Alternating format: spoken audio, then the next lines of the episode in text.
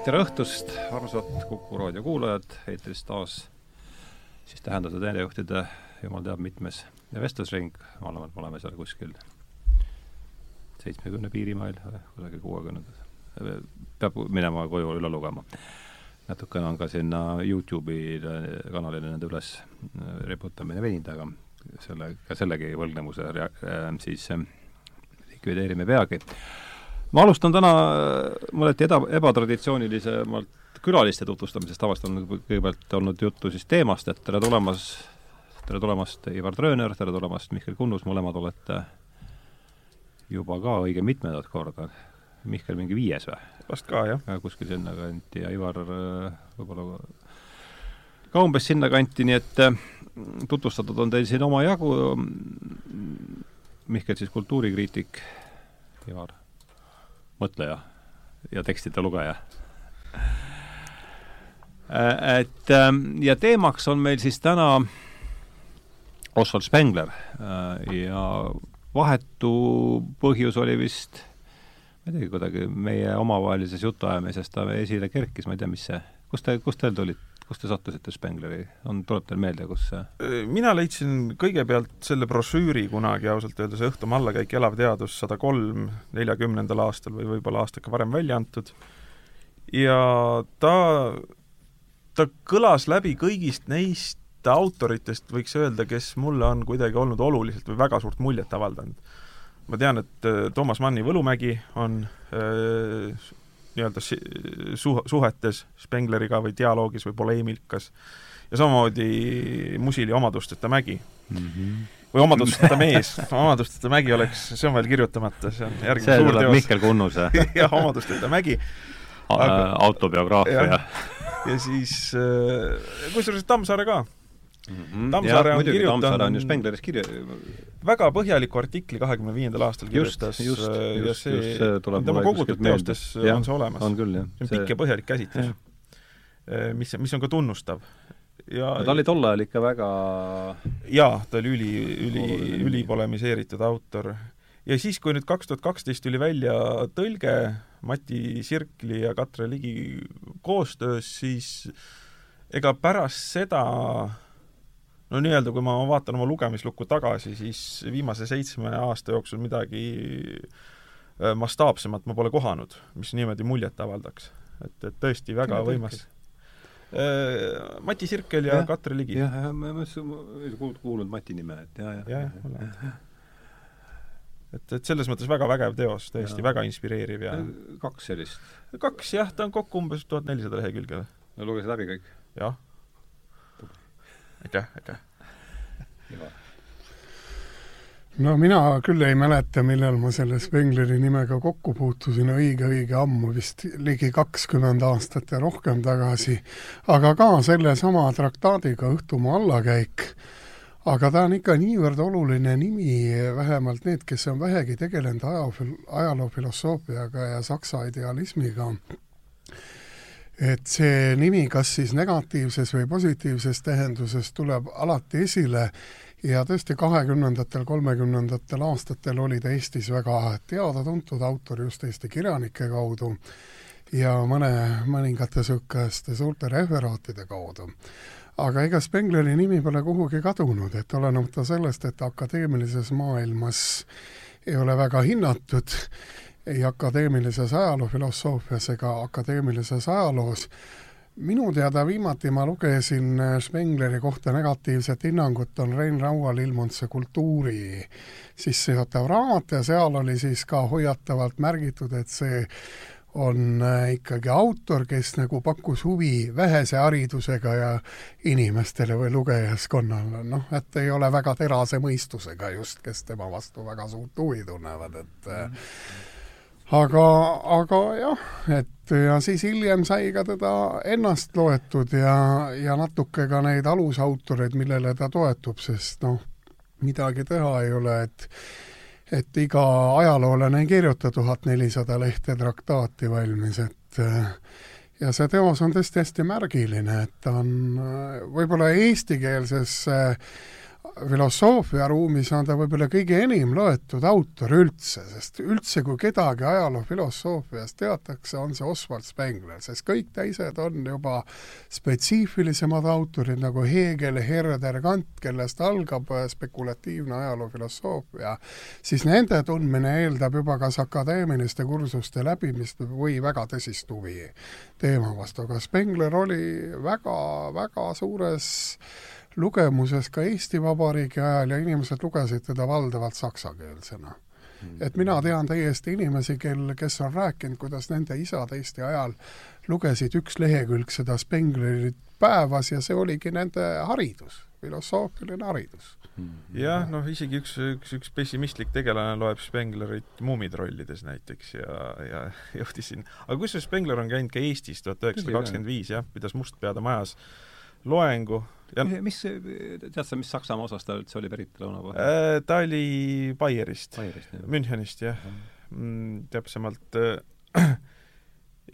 jah, ja siis noh, näiteks isegi Max Weber pidas temaga avaliku debati ja et selles mõttes ta oli tõesti väga-väga tuntud ja väga laialdaselt. kas nad olid erinevatel äh, sellistel no Weber pidas teda ikka diletandiks ja tema selline äh, skeem, millega ta seletab äh, tsivilisatsioonitsükleid, et no võib-olla räägime natuke Oswald Spenglerist lähemalt, et äh, sissejuhatavalt, sest ei ole ju mõeldav, et iga mm. raadiokuulaja oleks temast just, kuulnud, et et Oswald Spengler siis sündis tuhat kaheksasada kaheksakümmend, õppis Müncheni Berliini Halle ülikoolis matemaatikat, loodusteaduse ajalugu ja kunstiajalugu ja selle teose kirjutas ta tõesti ainult selle tõttu, et ta sai tuhat üheksasada üksteist oma ema päranduse, mis võimaldas tal eraõpetlasena hakata seda suurt teost kokku kirjutama.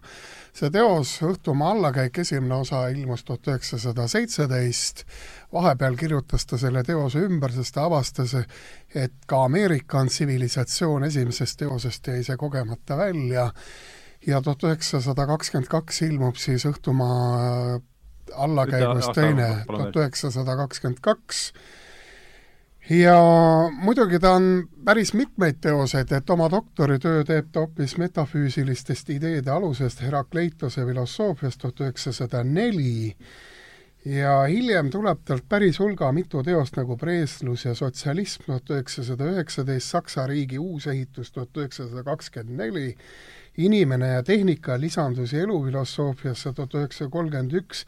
see Inimene ja tehnika on ülimalt oluline teos Spengleri mõtestamisel, sest seal ta jõuab nende liinideni, mida ta ei avanud oma õhtumaa allakäigus, see on inimene ja tehnika vahekord aga see on, mis Heideggerile ju selles Heideggeril on teine küsimus, et see on, aga seesama inimetehnika, et kui me vaatame kas või seda Õhtumaa allakäiku, et kui vähe tähelepanu ta pöörab tsivilisatsiooni arengul teaduse tehnika arengule, et ja siis on poliitilised kirjatööd, tuhat üheksasada kolmkümmend kaks, otsustavad aastad, mõtted, ja võib öelda, et ta tõesti on mõjutanud nii Adornot, Toynbeed, Wittgensteini, Heideggeri, Ortega y Gassetit, ise on ta siis mõjutanud Goethest, Hegelist, Schopenhauerist ja Winkelmannist, no Winkelmanni teatakse vähe, tegu on äh, väga mõjuka saksa kunstiajaloolasega, kes paneb aluse sellisele teadusdistsipliinile nagu tõenduspõhine arheoloogia ja loob üldse arusaama, mida tähendab kunstiline kujutus, mida tähendab skulptuuripsühholoogia ja, ja selles mõttes võib öelda, et Spengleril vedas, et ta on lõpetanud Saksa ülikoolid ja sai tõesti väga mitmekülgse hariduse.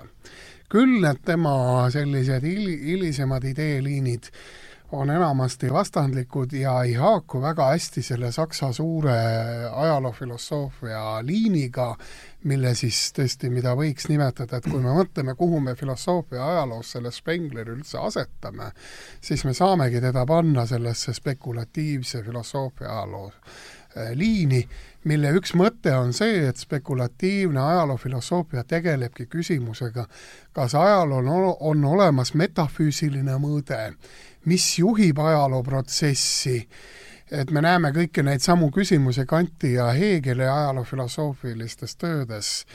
et Spengler jätkab ja muidugi hiljem ta toob selle morfoloogilise paradigma sisse oma töödes, kus ta siis tõesti vaatab kultuure kui organisme, mis on äh, ka laen iseenesest, et äh, on nii Venemaal ajaloofilosoofe, kes tegelesid ennem Spe-, Spenglerit sellega, et võrrelda ajalugu kui bioloogilist organismi, aga, aga noh, mõelda on siin noh, nii palju, et sissejuhatavalt võib nagunii resümeerida Spengleri selliseid vaateid. aga Mihkel, äh, siis jah, et spekulatiivne ajalugu äh, ja mis juhib ajalooprotsessid, mis vastuseid ta meil, jah, et see on hea mõte lugejatele, millest üldse jutt käib? kuulajatele mm, võib-olla ütleks, et noh, mida, mida siin silmas pidada spekulatiivse all, see on niisugust äh, mitte, mitte empiiriline, mit-, mitte empiiriline järelemõtlev romantilis-fenomenoloogiline ja Spengler nagu mingis mõttes võib öelda, üritab sellest maailmast äh, noh, metafüüsika välja rookida isegi. ja ta on äh, kindlasti väga jah, väga bioloogiline et see ük-, üks ilu, ilus lause, mis tema kohta on öeldud, et Spengler on äh, äh mitte ääremärkus äh, Platonile mm,, see oli huvitav jah, see käis vaid, vaid ääremärkus Goethele.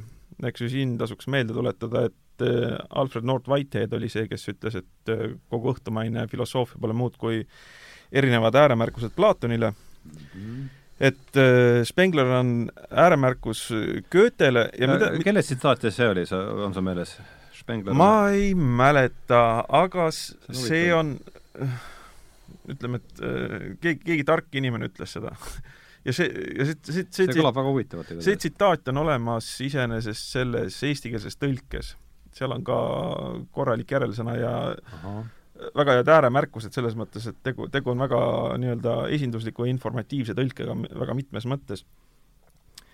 ja no Goethe puhul, eks ju, tasuks niisugust teatavat äh, organitsistlikku ja, ja seesmisuse, seesmisuse mahataandamatust rõhutada, sest see, mille poole on läinud igasugune positiivistlik äh, teaduslik äh, vaade, üritab äh, üritab kogu maailma mingis mõttes väliselt ära kirjeldada, eks ju, arvulistelt, arvuliste kvantiteetidega, positiivsete faktidega, empiirikaga, aga Goethe jätab selle seesmisuse alles no see ja on ikka see Galileo mõte, et maailma, see loodusraamat on matemaatiliselt jah, jah, et see, see oli, see oli see... väga, väga oluline pööre kindlasti.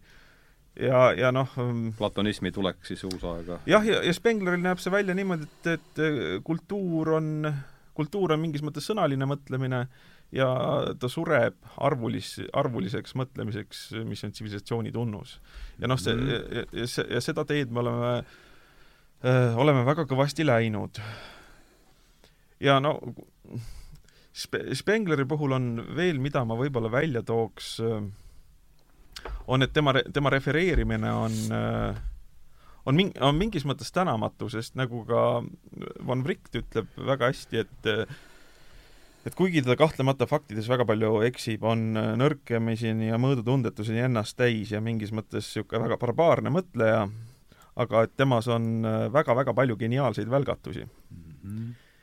ja või, või, võib-olla ma, ma nii-öelda kui tohib niimoodi kolm-neli minutit või võib-olla vähem. loed meile ette mingi ühe väikse lõigu, väikse lõigu Spenglerilt endalt, mis on, mis on toodud ära siin referaadis Õhtumaa allakäik, millest oli ka mõne aasta eest kordustrükk, on selle, see referaat olemas ka eestikeelselt kättesaadav jälle see, uues tõlkes on see lõik kohe, ma mäletan aga teeme nii, et see ei ole nüüd üle kolme minuti, kell läheb nüüd äh, oota, ma ütlen kohe ära, et ta on uus tõlkes on ta kohe teise, teise köite alguses. No, nii, tsitaat. vaadelgem õhtul lilli, kuidas nad loojaneva päikese ajal sulevad oma õied. mingi salapärane kartus tekib meis, midagi seletamatut on sellega, selles maaga seotud olemises. tummalt seisab mets, vaikivad aasad, puu ega põõsas ei liiguta end. ainult sääsek on vaba, ta tantsib õhtuvalguses, liigub kuhu soovib. taim on iseenesest ei miski, ta on osa maastikust, millest see juhus laskis temal oma juured ajada.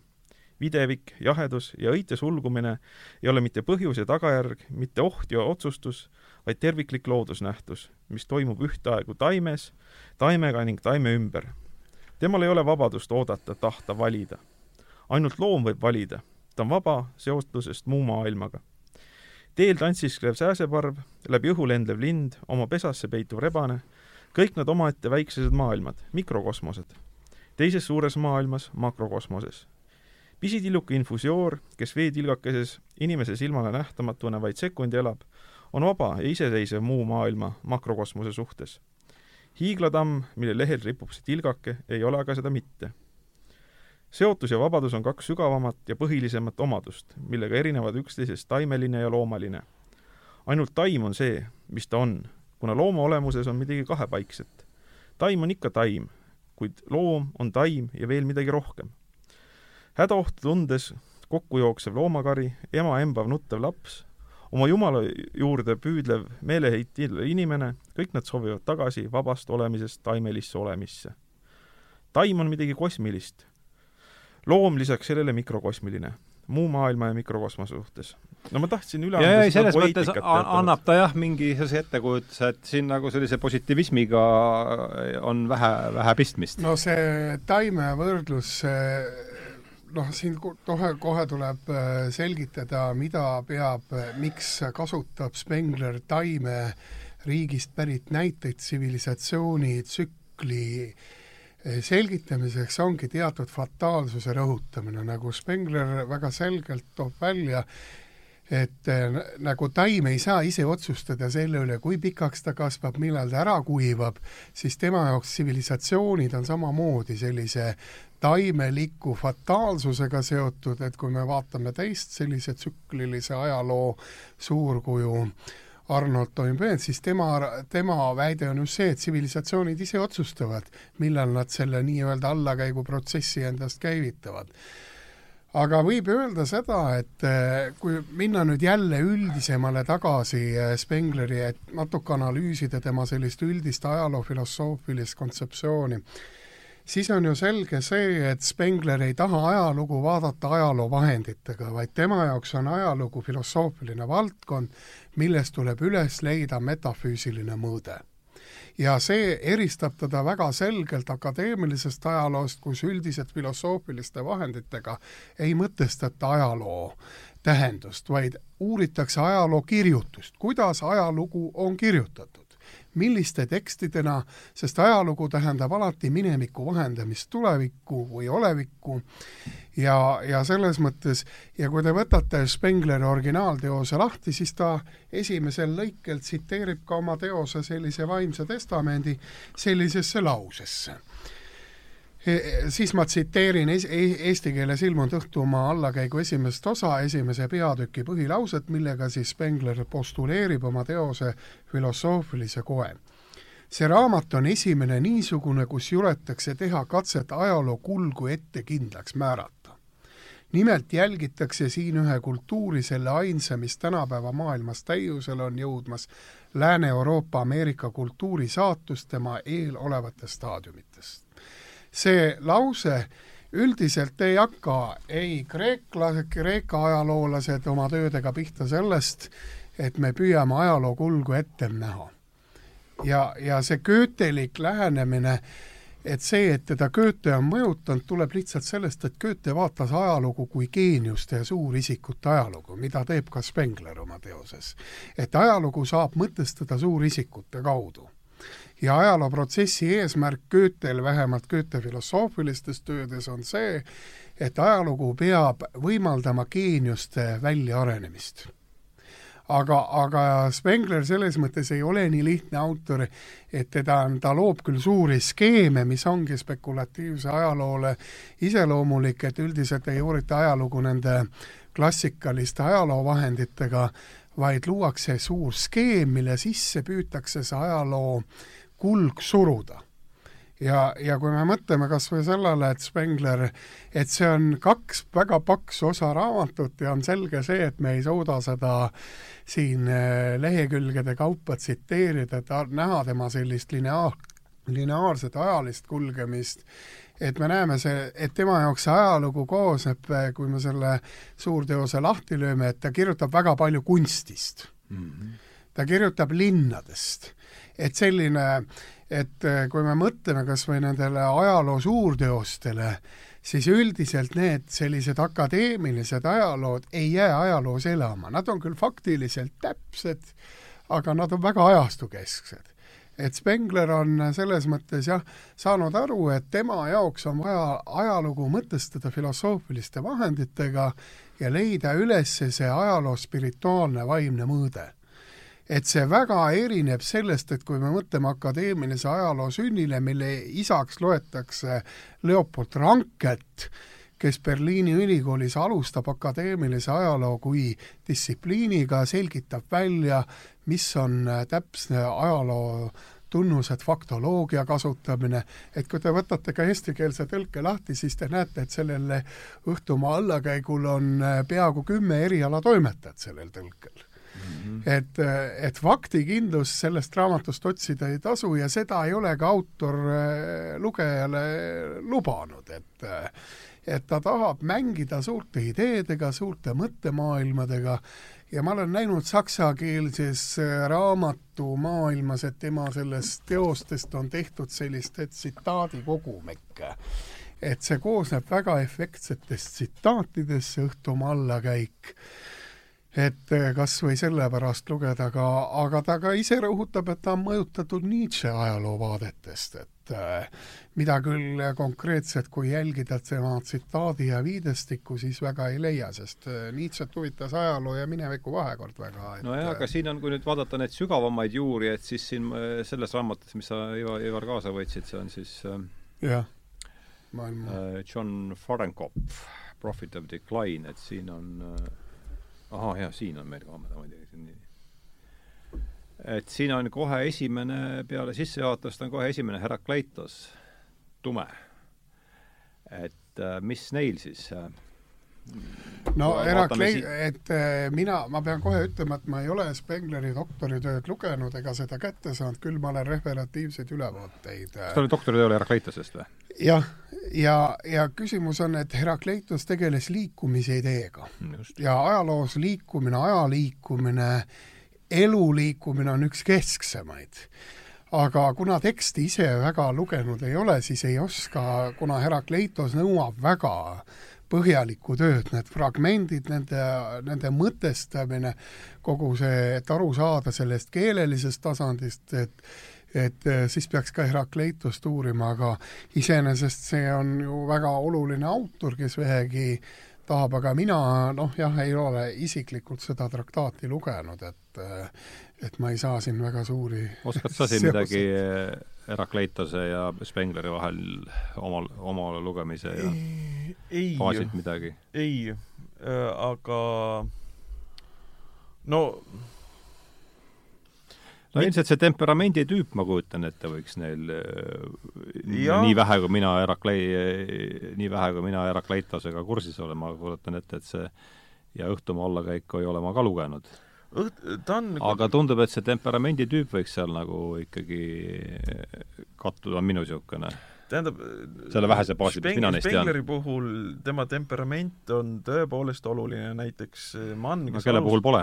jah, näiteks Mann, eks ju, kes, Toomas Mann, kes väga hindas teda, eriti alguse poole, siis äh, Spengler ka väga ärritas teda ja või, võib öelda, et üks põhjus oli just see, et äh, Spengler võttis kuidagi õela või külma mõnuga või ta kuidagi nautis seda, mis ta ütles. jah, et asi läheb nässu ja mitte midagi pole teha ja, ja seda heidab talle, ma pärast räägin sellest Helleri essee kogumikus, kus ma nüüd viimati lugesin, aga see on just, mida Heller talle ette heidab. jah, aga, aga näiteks Toma-, Toomas Mann ja, ja ka Nietzsche, eks ju, nad kõik nagu elasid seda kuidagi traagiliselt läbi. See, et äh, me, me, meie ja. hingav ja eluline kultuur on äh, tardumas tsivilisatsiooniks mm., aga ja, see kultuuri ja tsivilisatsiooni vastandus, see on ju mann, mann on sealt ma ei tea, kumb, kumb seal kummalt võttis neid. keeleline, et, et puhtalt see, et Spengler tõesti kasutab äh, tsivilisatsiooni mõistet kui kultuuri, et kui kultuur on jõudnud mandumise faasi, siis ta muutub tsivilisatsiooniks. aga kui me mõtleme kas või ingliskeelse või prantsuskeelse keeleruumile, siis see tsivilisatsioon tähendabki kultuuri ja, mhm. ja sealt tekib ka puhtalt tõlkeline probleem. aga, aga nagu ma eelnevalt mainisin, et Spengleri vaade ajaloole on fatalistlik ja ilmselt see ka Manni häiris, ma ei ole Manni siin nii palju lugenud, et ma teaksin täpselt seoseid välja tuua, mis puudutab tema ja Spengleri seoseid, aga aga, aga selles mõttes jah, Spengler võis tõsiselt ärritada, sest kui me mõtleme kahele Saksa ajaloo suurele filosoofile, Hegelile, kelle jaoks ajalugu on eelkõige mõistuslik protsess, mõistus juhib ajalugu. Ja Kant, Kanti jaoks ajaloo, ajaloofilosoofia, ajalooprotsessi eesmärk on jõuda nii-öelda inime-, selle üliinimliku rahuni Spengler ei paku ei rahu, ei mõistust ega jälgi seda pikka kolmesaja aastast äh, idealistlikku filosoofia, sest lõppude lõpuks ajaloofilosoofia kui distsipliin hakkabki Heegel seda tõsiselt võtma. Heegel töötab välja ajaloofilosoofia printsiibid ja seda on näha ka, et Heegelist on ka Spenglert mõjutatud. aga, aga seesama fatalistlik vaade ajaloole ja üldse, kuidas me tsivilisatsiooni piiritleme ja kuidas me piiritleme seda nii-öelda allakäiguprotsessi, sest kui seda raamatut lugeda, siis me väga selgeid orientiire ei leia, mida tähendab ikkagi mõiste allakäik jah, see on, see on ka nagu loojang ja nagu Spengler ise ütleb, et mingis mõttes see on ka täidumine.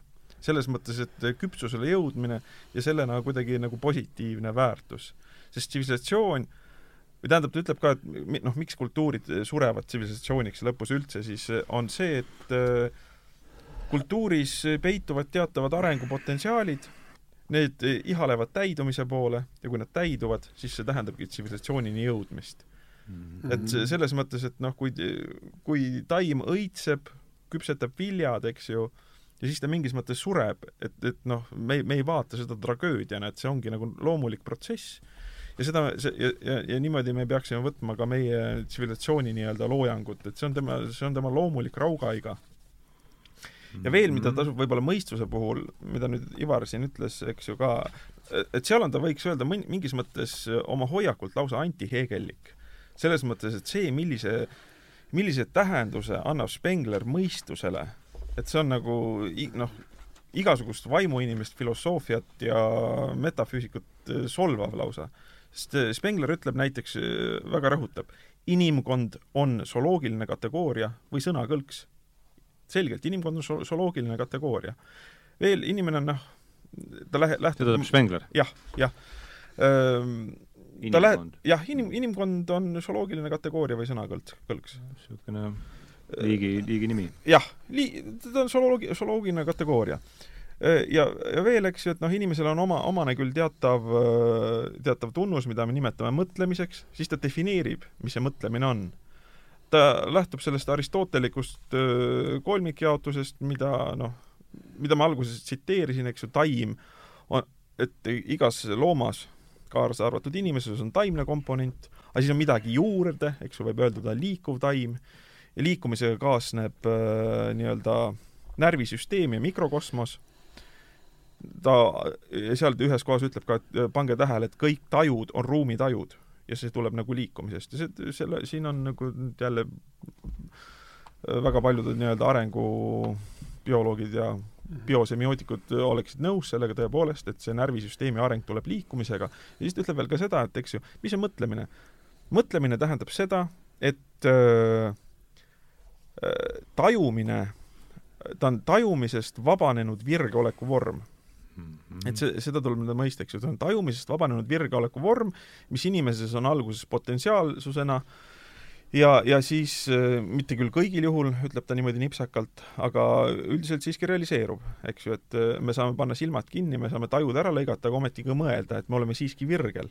ja siis äh, teisel ütleb, et tajumisest vabanenud virgeolek ei ole kindlasti mitte mingi elu ja protsesside suunaja ja eesmärk ega ka nende vedaja, vaid niisugune nii-öelda reflektiivne vaatlev mõlgutus kõrvalt, sest maailma ja elu juhivad siiski teoinimesed ja teod ja protsessid mm. -hmm. ja kuskil ta ütleb veel kuidagi niimoodi, et see et tõenäoliselt see sõdur, kes Syrakuus, Syrakuusat rünnates Ar-, Archimedese maha lõi, on mõjutanud äh, tõenäoliselt ajalugu rohkem kui igasugused äh, Archimedesed ise, eks ju.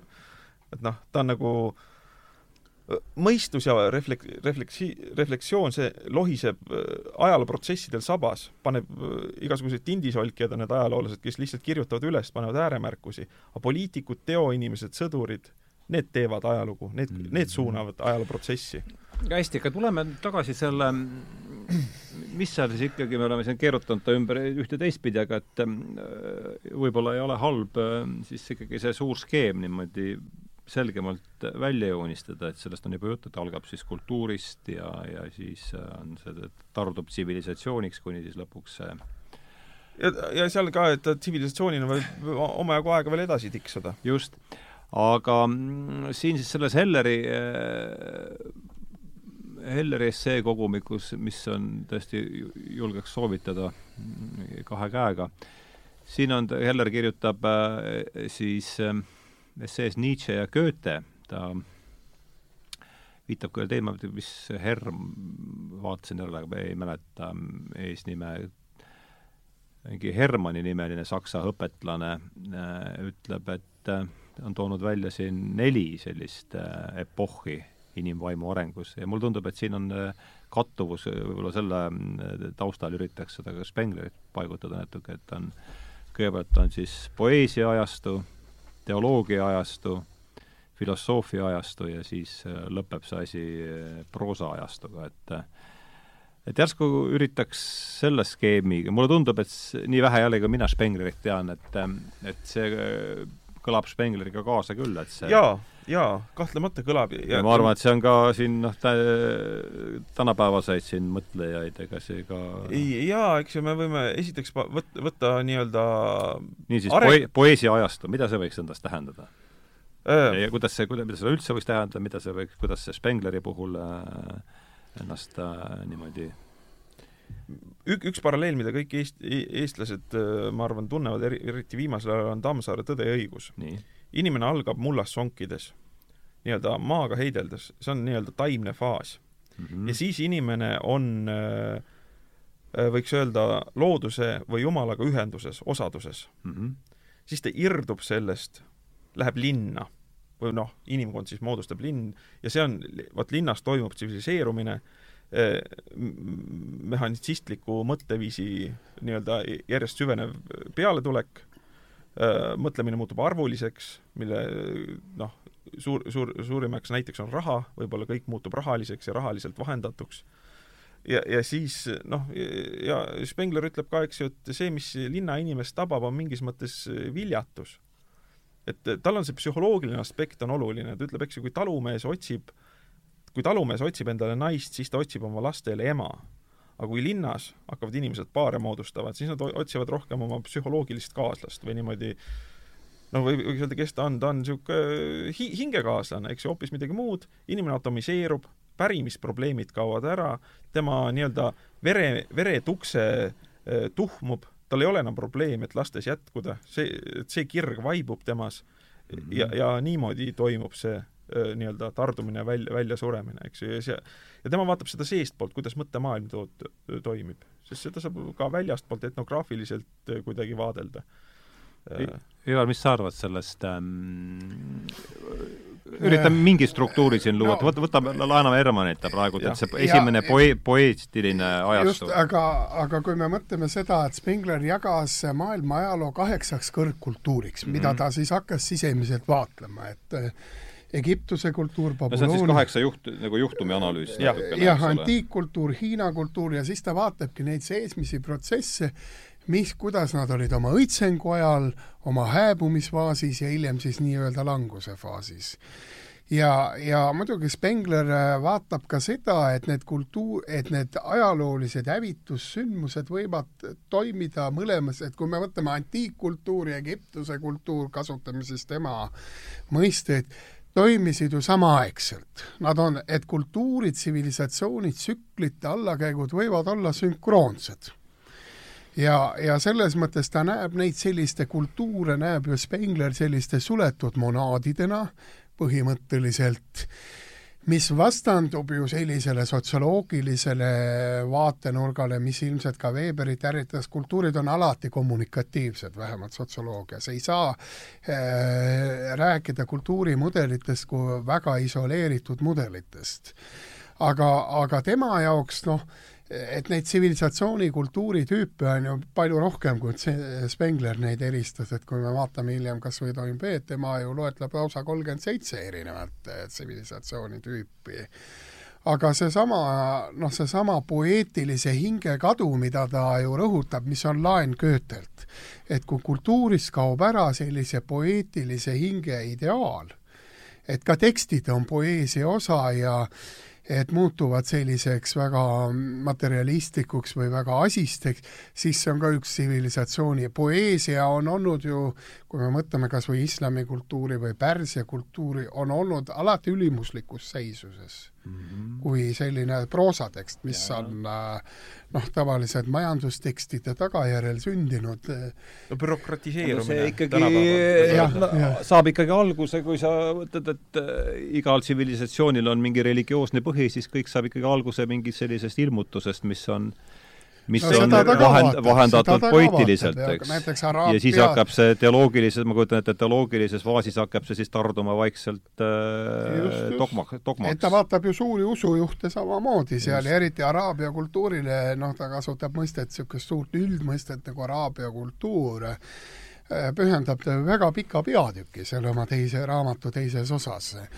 et äh, et selles mõttes jah, et, et ta on väga suur skeemide looja.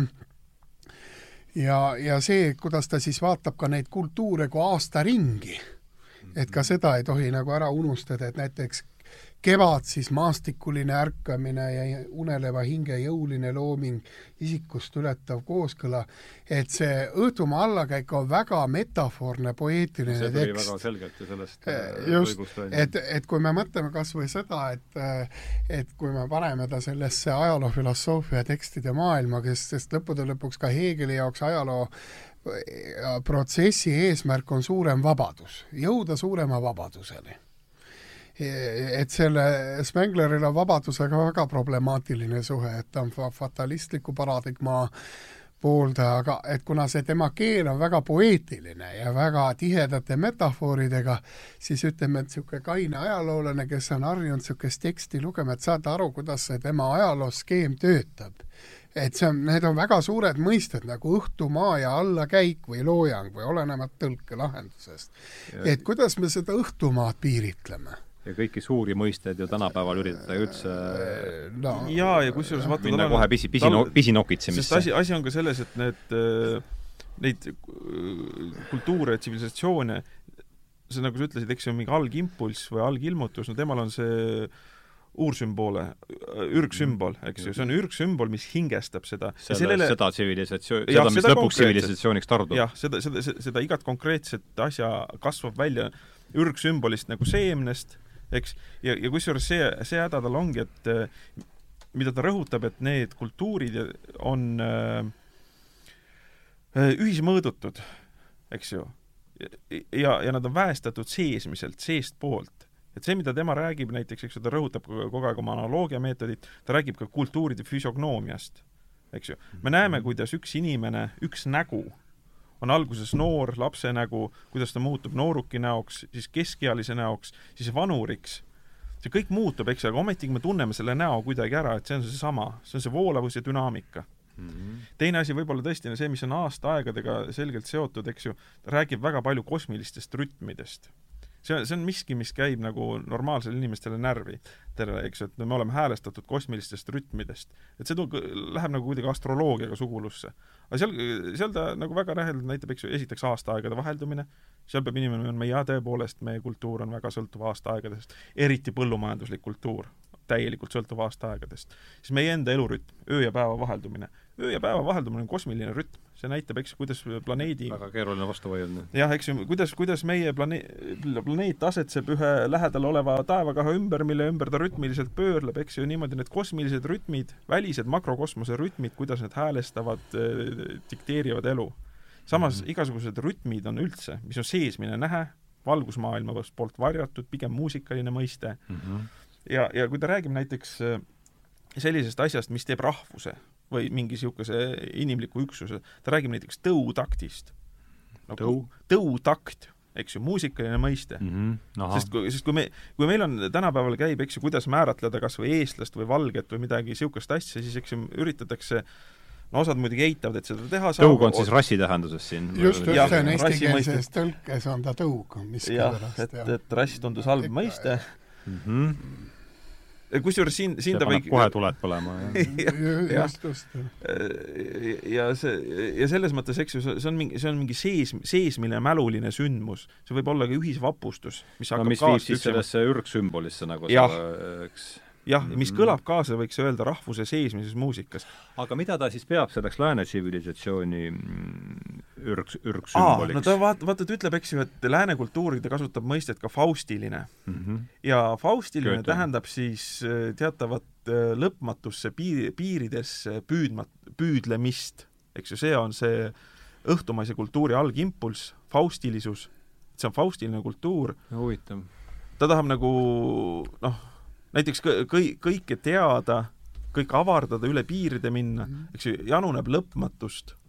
et see on see, mis on, no väga hästi mhm. tuleb esiteks loomulikult välja Goethe Faustis, kus see Faust alguses ütleb, ta tahab kõike tundma õppida, teda nagu olemasolev on nagu ära tüüdanud, tahab kõike tundma õppida ja siis loomulikult, eks ju, Manni doktor Faustuses ka see mingis mõttes kordab, nad võivad minna oma ihas üle piiri ja samas nad võivad minna ka enesehävituseni välja selle, selle, sellega mm. -hmm, et, et näiteks Kreeka kultuuris ta ütleb, et see on nagu niisugune eh, keha ja keha, kehalisus ja kodusus, noh, kehalisuse all peab silmas, et mi-, miks kreeklased arendasid nii täiuslikult välja skulptuuri, antiikskulptuuri, miks see neile nii omane oli kuidagi mm. -hmm. Ja noh, Odysseus tahab alati koju tagasi et see on nagu nii-öelda tsentripetaalne, eks ju. nii et sa ei, nii et selle ürg, ürgsümboli või ürgimpulssi ta paneb ikkagi sinna no kus ta siis nii väga panna, Kreeka, Kreekasse ikka siis, sealt näeb ta seda rida tulemas või? ei, see, vot siin ta isegi ütleb, et niimoodi see, et me paneme, et noh, Kreeka on tegelikult meile täiesti võõras mm,. Kreeka, kreeklane tahab alati koju tagasi, nagu Od-, Odüsseus, eks ju, oma, käib rännakul ära, tahab koju tagasi, on väike polis, kus ta teeb oma demokraatiat on keha, mida ta poleerib seal, aga faustilik õhtumaine kultuur, see, see ihaleb lõpmatust. ja siin on veel kusjuures huvitavad näited, et ta toob, et seal, et kreeka, kreeka keeles pole et kreeka ja ladina keeles pole ruumi mõistet sellisel kujul, isegi sõna pole selle jaoks. seal on nagu koht ja objektide vahelised distantsid ja kaugused, aga niisuguses õhtumaises mõttes ruumi mõistet, mis tähendab abstraktset tühja ruumi, et see puudub, et see on kuidagi nagu noh, läbinisti õhtumaisele kultuurile omane. niimoodi mm -hmm. ta näiteks arutleb ja noh, ta jõuab umbes selliste arutledeni, et äh, interfessi- in, in ai, ma oskan seda infinidesimaalarvutuseni sai jõuda ainult äh, õhtumaises kultuuris, eks ju see ja, ja, ja noh, seesama, et õhtumaad iseloomustab see individuaalse hinge püüdlus mis selliseid äh, äh, õhtumaale vastanduvaid kultuure on niisugused kollektivistlikud mm. -hmm. aga, aga jah, et see, tema skeemid on väga niisugused esoteerilised, võib öelda, et et neid on väga ilus lugeda, aga püüa sa neid nagu mõtestada, et et seesama või statistiliselt mõõta, ma kujutan ette, sealt jaa, jaa, jaa, aga, aga seesama niisugune Goethe, Goethelt laenatud sellised laenud, et et see teadmise tahe või noh, seesama, et teadmine on isegi, teada saamine on olulisem hüve kui lunastus mm. -hmm. et seal ta ka noh, kui ta kõneleb lunastusreligioonidest, et siis äh, et seesama lääne, lääne tsivilisatsioon, et et sellega noh, kõik, kes on tema teost vähegi analüüsinud, ongi küsimus, et kuidas ta ikkagi täpselt piiritleb seda lääne tsivilisatsiooni. kas need on tavalised keelelised piirid, mis tsivilisatsiooni iseloomustavad, on need arhitektuurilised eripärad, on need kollektiivsest käitumisest tulenevad eripärad, et siis, et tal on see metafüüsiline mõõde selles teoses nii sügav ja suur, et, et kohati jah, et, et, et kui seda tõesti tahab ajaloolane lugeda või kas või ideede ajaloolane, et sellest tema skeemist on väga raske läbi närida, et et sa loed seda kui teatud sellist poeetilist teksti ja see tekst on muidugi väga eklektiline, et ega ta väga pikalt ei peatu iga teema juures, et et seal üks mõttekäik lõpeb ja teine algab ja mm -hmm. ja et ta ei ole niisugune süstemaatiline ajaloofilosoof, kes tõesti tegeleb selle ühe teemaga, nagu Heegel tegeles vabaduse ja vaimu avaldumisega ajaloos, see oli ka ajaloofilosoofia küsimus mm. -hmm. ja, ja, ja kuidas see vaim on vabanenud eri kultuurides aga, aga temal on jah, et need, seal on ka seesama linnade küsimus, et lääne tsivilisatsiooni iseloomustavad eelkõige need hästi suured linnad araabia kultuuri ka, sest ega linnad ei saa ju alguse üldse lääne kultuuridest. jah, linna-maa vastandus on tal täiesti tähenduslik ja oluline. ja see on ka puhtalt köötelik mm. -hmm. et see maa, maa, maa metafoori kasutamine, et maa on midagi ilusat ja puhast ja aga üldiselt noh, ühe lausega võib öelda, et ega ta seda ajaloo tsivilisatsiooni protsessi vaatleb kui inimese elukaart. ja, ja see et need on niisugused täiesti on... sarnased, et, et sellest inimese elukaare käsitlusest analüüsib ta ka seda kultuuritsüklilisust ja allakäiku. tema tegeleb maailma ajaloo morfoloogiaga mm, -hmm. eks ju, nagu ta ütleb aga noh, tule tagasi selle juurde, sellesama poeetilise ajastu juurde ja selle kasvami-, ülekasvamisest teoloogiliseks ja, ja noh, ja, ja mis ta siis oli, filosoofiline ja lõpuks proosa, et sa minu meelest sa, Mihkel, panid selle asja kuidagi siin sellise kolmesaja või viimase viiesaja aasta nagu skaalale, kas mitte, et see linnast tähendab maalt, maalt linna tulek, me võime seda ju vaadata ka ei no see, see, on ka statistiline mõõde, eks ju mm. -hmm. siin on statistiline mõõde, kui linnastunud on õhtumaine kultuur, eks ju. ja, ja aga see noh, linnastumine on ju veel omaette asi, aga ma arvan, et see no, sa võid ju vaadata ka niimoodi, et see poeetiline ajastu viib meid üldse ikkagi ajas siin kusagil no, mõned no, kümned aa, tuhanded no, aastad tagasi, kui sa hakkad sellest ja, ja, animistlikust aga... ühtsusest hakkab see, hakkab see siis äh, aga no võtame õhtumaisi kultuuri, võtame näiteks väljakasvamine. piibli oma loogosega, eks ju, alguses point oli selge, nagu Aquino Toma ütles, eks ju, ka kõige kehvem teadmine igavikulistest asjadest on olulisem kui kõige parem teadmine siinpoolsetest asjadest. noh, see on praegu, võiks öelda äh, no see on nii vastase nii kaasaegse, kaasaegse eetosega täpselt vastupidine, eks ju, ja siis ja. oli niimoodi, igavestest asjadest vaja teada saada, kust teada saada, püha, pühakirjadest ja loogost, hakkame neid tõlgendama, eks ju. siis, siis tekkis väike kõhklev taipamine, et aa, see on siiski inimese kirja pandud tekst, eks ju, et äkki me peaksime looja loomingut ennast tõlgendama. ja järelikult loodust. kuidas seda tõlgendada? no loomulikult poeetiliselt eks ju, selles mõttes allegooriate kaudu, mida puu tahab meile öelda oma kujuga või õigemini, mida tahab Jumal meile öelda kui pa-, tekitab sellise vormi, nagu puu on. ja siis tuleb oma Galilei, kes ütleb, ahaa, loodusraamat on hoopis matemaatika keeles kirja pandud, eks ju, see on juba järgmine etapp, hakkame vaatama arvulisi, ruumilisi suhteid, ja siit on juba järgmine no tema läheks juba ikkagi selgelt juba siis sellesse noh, filosoo-, selles klassifikatsioonis, mida ma siin olen no, püüdnud asja struktureerimiseks tuua kõrvalt sisse et Galileo läheks meil ikkagi selgelt juba siis filosoofilisse, filosoofilise ajastu sinna võib-olla isegi lõpu, lõpupoole kuhugi. jah, ja siis, ja siis eks ju taga hullemaks oma Newton oma matemaatikaga ja siis on kohe kõmaki, olemegi loodusteadustes ja kus me mõõdame ja taandamegi kõik arvuliseks. eks ju, niisugune väga, väga, väga kiire kaar läbi teha. siin on suurepärane, et äh, ma katsun otsida nii kaua selle tsitaadi üles ja käigu pealt äh, Heller ütleb, see on nüüd siis sama, see on nüüd tema essees äh, Burkhard, Burkhard ja Nietzsche, kus ta ütleb, et moodne mõistus oma selles kõige valjuhääldamas avaldamisvormides on langenud faktide, numbrite ja statistika kehva maagi, maagika ohvriks. jah, jah. see on väga ilus. see on väga, väga ilusti ja, ja selle sort, sedasorti empi-, empiritsismi ohvriks, mis oma kires konkreetsuse järele äh, siis äh, taandab kogemuse paradoksaalsel kombel mõõdetavate andmete puhtalt mm -hmm. abstraktseteks andmeteks, et see on minu meelest, kui me räägime siin ühest lausest, siis siin on ikkagi, et noh, lõpuks ongi see, et et statistika, Statistikaameti aastaraamat on see kõige reaalsem asi, mis just. meil üldse on siis. et, et, et saigi ju öeldud, et Spengler ju seda metafüüsilist kogemust, et ajalugu on kogemus. et ta ei ole on... mingi faktilise andmestiku kogum, ja, ja kui seda Pukartit eh, tsiteerida või mõelda temale, tema ju väidabki seda, et eh, indiviidi teke saab, sellise hingelise indiviidi teke saabki tekkida linnastunud ühiskondades, kus eh, tsivilisatsioonil Puhkatist räägid praegu? jah ja,, Jakob, kus tsivilisatsioon võimaldab, kõigepealt peab ta olema piisavalt struktureeritud et kui Itaalia renessansi sünd on üks tema selline peateos, seal just see isiksuse sünd see on meil eesti keeles ka olemas? see on ka olemas, aga ta ju oli põhiliselt antiigi uurija ja ta on ju, ma ei tea, kas kümneosalise Kreeka kunsti ajaloo kirjutanud, et väga, väga oluline autor, vähe räägitud autor, ma seda ei oska kommenteerida, kui palju Spengler Pukartit üldse teadis või luges, kindlasti pidi lugema, kui oli kunsti ajalugu õppinud, et see on nii omakeelne autor, et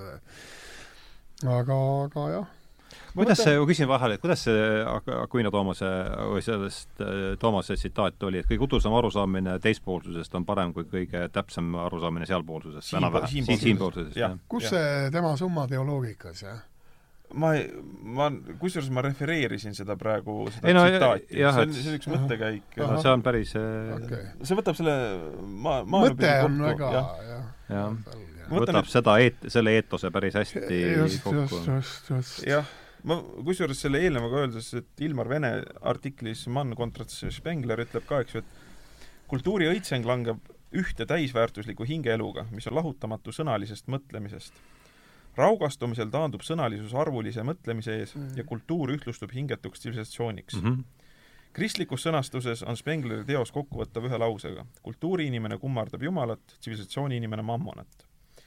Ja siis veel, et äh, mis, mispärast läks Toomas Mann temperamentseks ainult ühte autorit arvustades, noh, Spenglerit siis mm. -hmm. ju ta siis tundis, et mõistuslikud argumendid antud juhul ei kõlba ja seepärast jäi, jäi üle vaid üks, rünnata inimest muidugi olnuks tal võimalus koos muude professionaalidega korrata, et Spengler on kõigest diletant, kes ei taipa midagi teaduslikust metodoloogiast, aga sedalaadi pudipadist kirjanik ei hoolinud. kuidas saanukski olla teisiti? Igaüks, kel pisutki aimu, mismoodi vaimul, vaimulugu on uusaja esimesel kolmel sajandil arenenud, võtab Spengleri järelduste kehtivust millegi endastmõistetavana.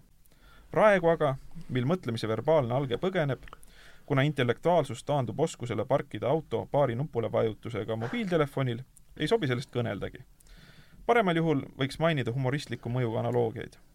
Spengler teadis, et cesaristlikus Roomas kuulusid naisgladiaatorid staaride hulka, kuid ta poleks eales söandanud ennustada, et juba kahekümnenda sajandi lõpul ilmuvad naisraskejõustiklased lõpetuseks vastamatu küsimus. mispärast Toomas Mann arvas, et sõnalisuse üleolekut arvulisest mõtlemisest tohib eeldada endastmõistetavuse korras? sellest, millele kuulub meie eelistus, ei hooli arengulugu kübeme võrragi. jah, noh. või, või, või noh, kui nüüd korraks, korraks see, eks ju, arengulugu, mis, mis on seestpoolt vaadatuna kõrvale jätta, eks ju, me võime öelda, et see, on progress, eks ju, vara, vana, varem ei osatud mõõta, arvutada, kõike mõõdetavaks teha, nagu üks see oli vist Galileo enda hüüdlause või oli Bacon, et äh, teha mõõdetavaks kõik mis... ja kõike, äh, teha kõik mõõdetavaks on mõõta kõike mõõdetavat ja kui ei ole mõõdetav, siis teha mõõdetavaks. jah, jah, eks ju, see on ju selle noh, hüüdlause. Jah, see aga, aga noh, eks ju, kui, kui me ütleme ka näiteks aga noh, jällegi, et me peame seda asja ju vaatama mingi selles ajaloolises kontekstis, et, et no minu noh, niisugune isiklik aga... näide, ma mäletan oma, oma õpingute ajast, mis ma arvan, ei ole siin isegi väga otsitud, et kui mina kaheksakümne seitsmendal aastal astusin tipikooli, noh siis sealt aeti mingit niisugust noh, pool, poolmarksistlikku joru, mida no, no siis oli täismarksistlik, siis ta muutus poolmarksistlikuks, lõpuks muutus veerandmarksistlikuks, võib-olla ka joru oli ta ikka edasi ja siis kooli lõpuks oli sellest jorust noh, et, et no, noh, siiani, et siis saad ja, ja sõna. just nimelt, just nimelt korrumpeerunud sõna ja siis selle taustalt äh, ikkagi äh, kui avanes äh, võimalus lääne minna, siis oli no ikkagi iha oli matemaatika, midagigi, et noh, et sa no lihtsalt, ka, ka sellesse sõnavahtu võib ju ei, seda öeldakse ka, et eks ju, üks, üks asi no nüüd... ongi sõna korrumpeerumine, eks ju, kui, kui inimene võtab sõna enda kätte, mida et ma kujutan ette, et selleks ajaks, ütleme, uusaja koidikuks oli see sõna ikkagi ka oma, see mahl oli sealt juba välja nirisenud ja sealt see, ega siis see vaata, asi oli selles, et sõna Kepleri ja Kepleri ja kogu selle, selle seltskonna pööre oli ju ka ikkagi reaktsiooniks millelegi. jah, sõna võeti ma arvan, et mul lihtsalt enda ja. isikliku sellise kogemuse taustal seda sõna langeb, sõna langeb sellega või sõnalisus langeb sellega, kui inimene võtab selle enda kätte ja korrumpeerib seeläbi, eks ju, nii tulevad türannid ja mhm. despoodid mm, -hmm. eks ju siis järgnevad inimesed enam seda türanni ja despooti ei juhi, sest nii-öelda sõna va-, va-, vahendaja, valdaja on korrumpeerunud arve saab usaldada, see on kehast väljas, eks ju, mõõdud ja nii edasi.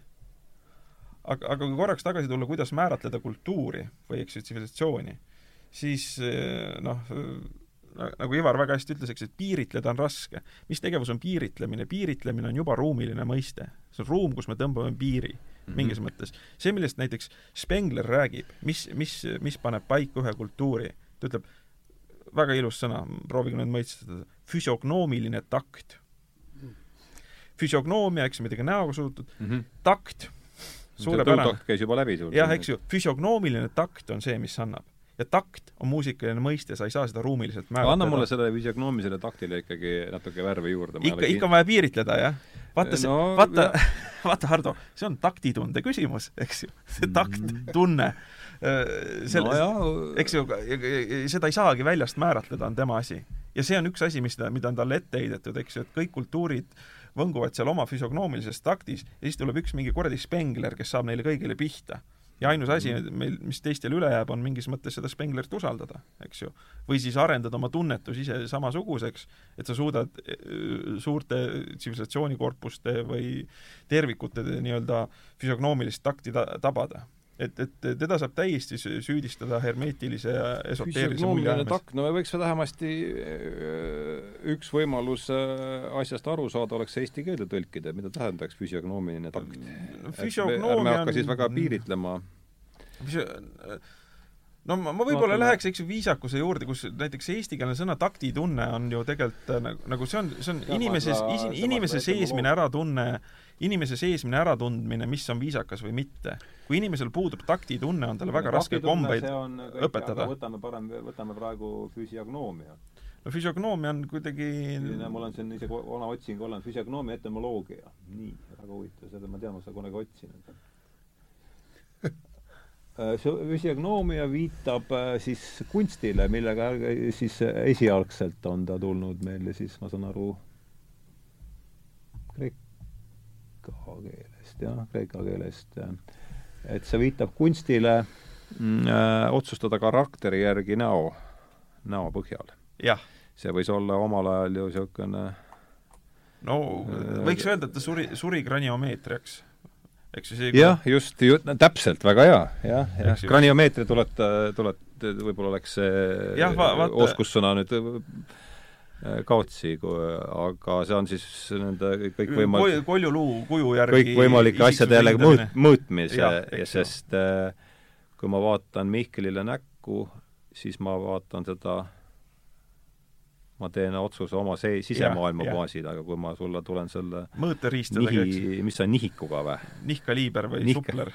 supleriga ligi, siis me saame su juba raiuda sinna statistika aastaraamatusse ja saame ja taandame biomeetrit. ja saame teha seal regressiooni ja sadat muud imet ja taotleda stipendiume ja ja vaadata, kas inimene on maksta, objektiivselt ja maksta ära ja... oma, maksta ära oma liisingud ja, ja kõik ja, muud värgid. et, et no tegelikult on, on ju enam-vähem nii, kas mitte?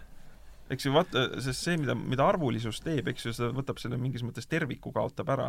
eks ju, kui näoilme on mingi holistlik mulje, siis mõõtevahendid, kes vaatavad ninapikkust, silmakaugust ja suhet, eks ju, niisuguseid asju, mida eks ju üheksateistkümnenda sajandi lõpus tehti, et vaadata, kas inimene, inimesel on kalduvus kuritegelikkusele või mitte aga see oli ikka seesama Galileo tuules käis kogu see no ikka, jah. kogu see, kogu see asi. Ivar, sa oled tükk aega olnud kuss, et ütle ka midagi vahepeal.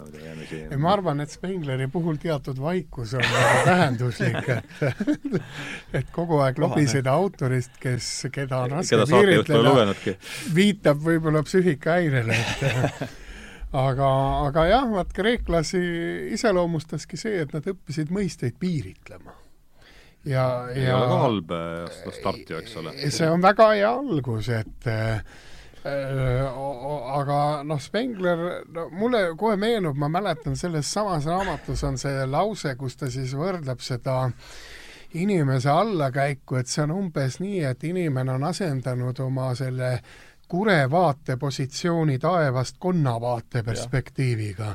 kure perspektiiv ja konna perspektiiv. jah, kure ja konna perspektiiv, et need on nagu jah, et kui ennem sai vaadata niisugustest taevastest mõõdetest seda maailma, siis on ju selge see, et kure vaatlusperspektiiv ja konna perspektiiv on noh, ikka väga erinevad.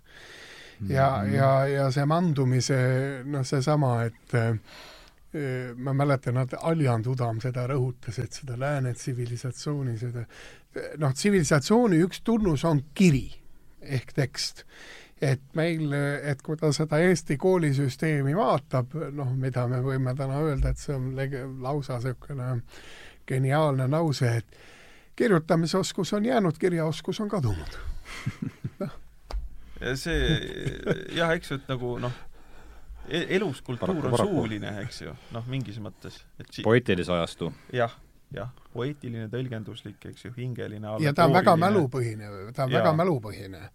ja mälu on elav ja loominguline. just, just., et mälu on äh, liikuv, dünaamiline, ta ei ole ainult omandav, et kaasaja see mälutüüp on see, et sa pead omandama mingi hulk teadmisi, sa ei reflekteeri neid, teed neid, aga, aga see mä-, äh, mälu on nagu hing et ta on dünaamiline. vot üks see..., üks lause, mis samal sai, sa, sa omal ajal sai seda Petersoni ju kuulatud ikka ja. kümneid tunde, ta oli ikka väga oluline mingil hetkel.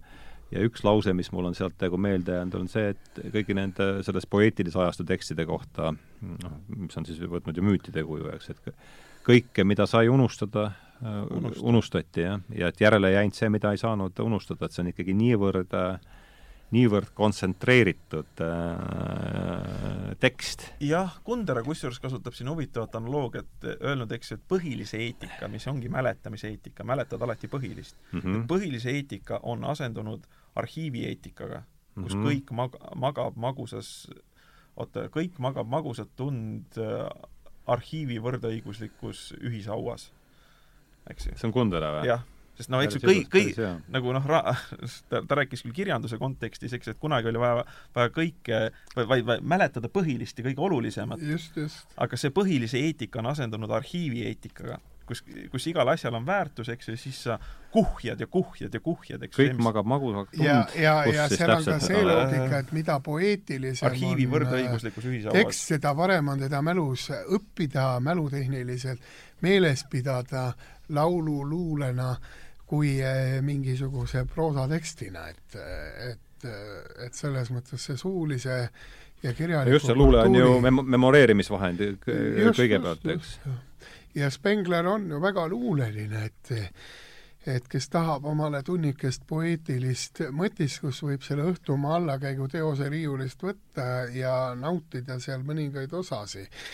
et aga väga mõistusega seda teksti niiviisi analüüsida äh, ma arvan, et väga kaugele nagu ei jõua, et aga noh, tal on ikkagi, ta on suure, suure plaaniga autor ja teatud mõttes on tal sarnasus Jungiga, kes lõi selle psüühilise maailmakaardi.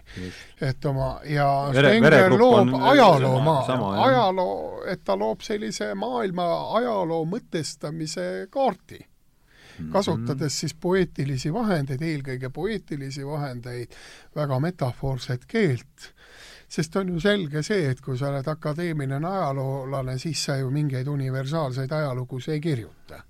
vaid sa tegeled ühe konkreetse ühikuga, uurid seal näiteks kreeklaste relvastust neljateistkümnendal sajandil ja siis sa tegeled ainult sellega. ja kui jutt läheb kuueteistkümnendast sajandist, siis pole et siis sa ei leia seda, siis sa ei too niisugust metafoori, et allakäigu põhjustas allakäigu põhjustas see, et linn muutus ühest miljonist kümnemiljoniliseks et Spengleril on ka need arvusuhted, just seesama linnastumise protsess on allakäig- ja see allakäigutsükkel ei toimu hetkeliselt, vaid see võibki toimuda tuhande aasta jooksul, saja aasta jooksul, et ei ole mingisugust sellist kiiret allakäigu et keegi lükkab kangi sisse ja nüüd me nojah, aga see kõik on jälle, aga ma saan aru ka selle vastastemperamendi küsimusest, et noh, aga okei okay,, sa räägid allakäigust, aga no kus see allakäik siis on?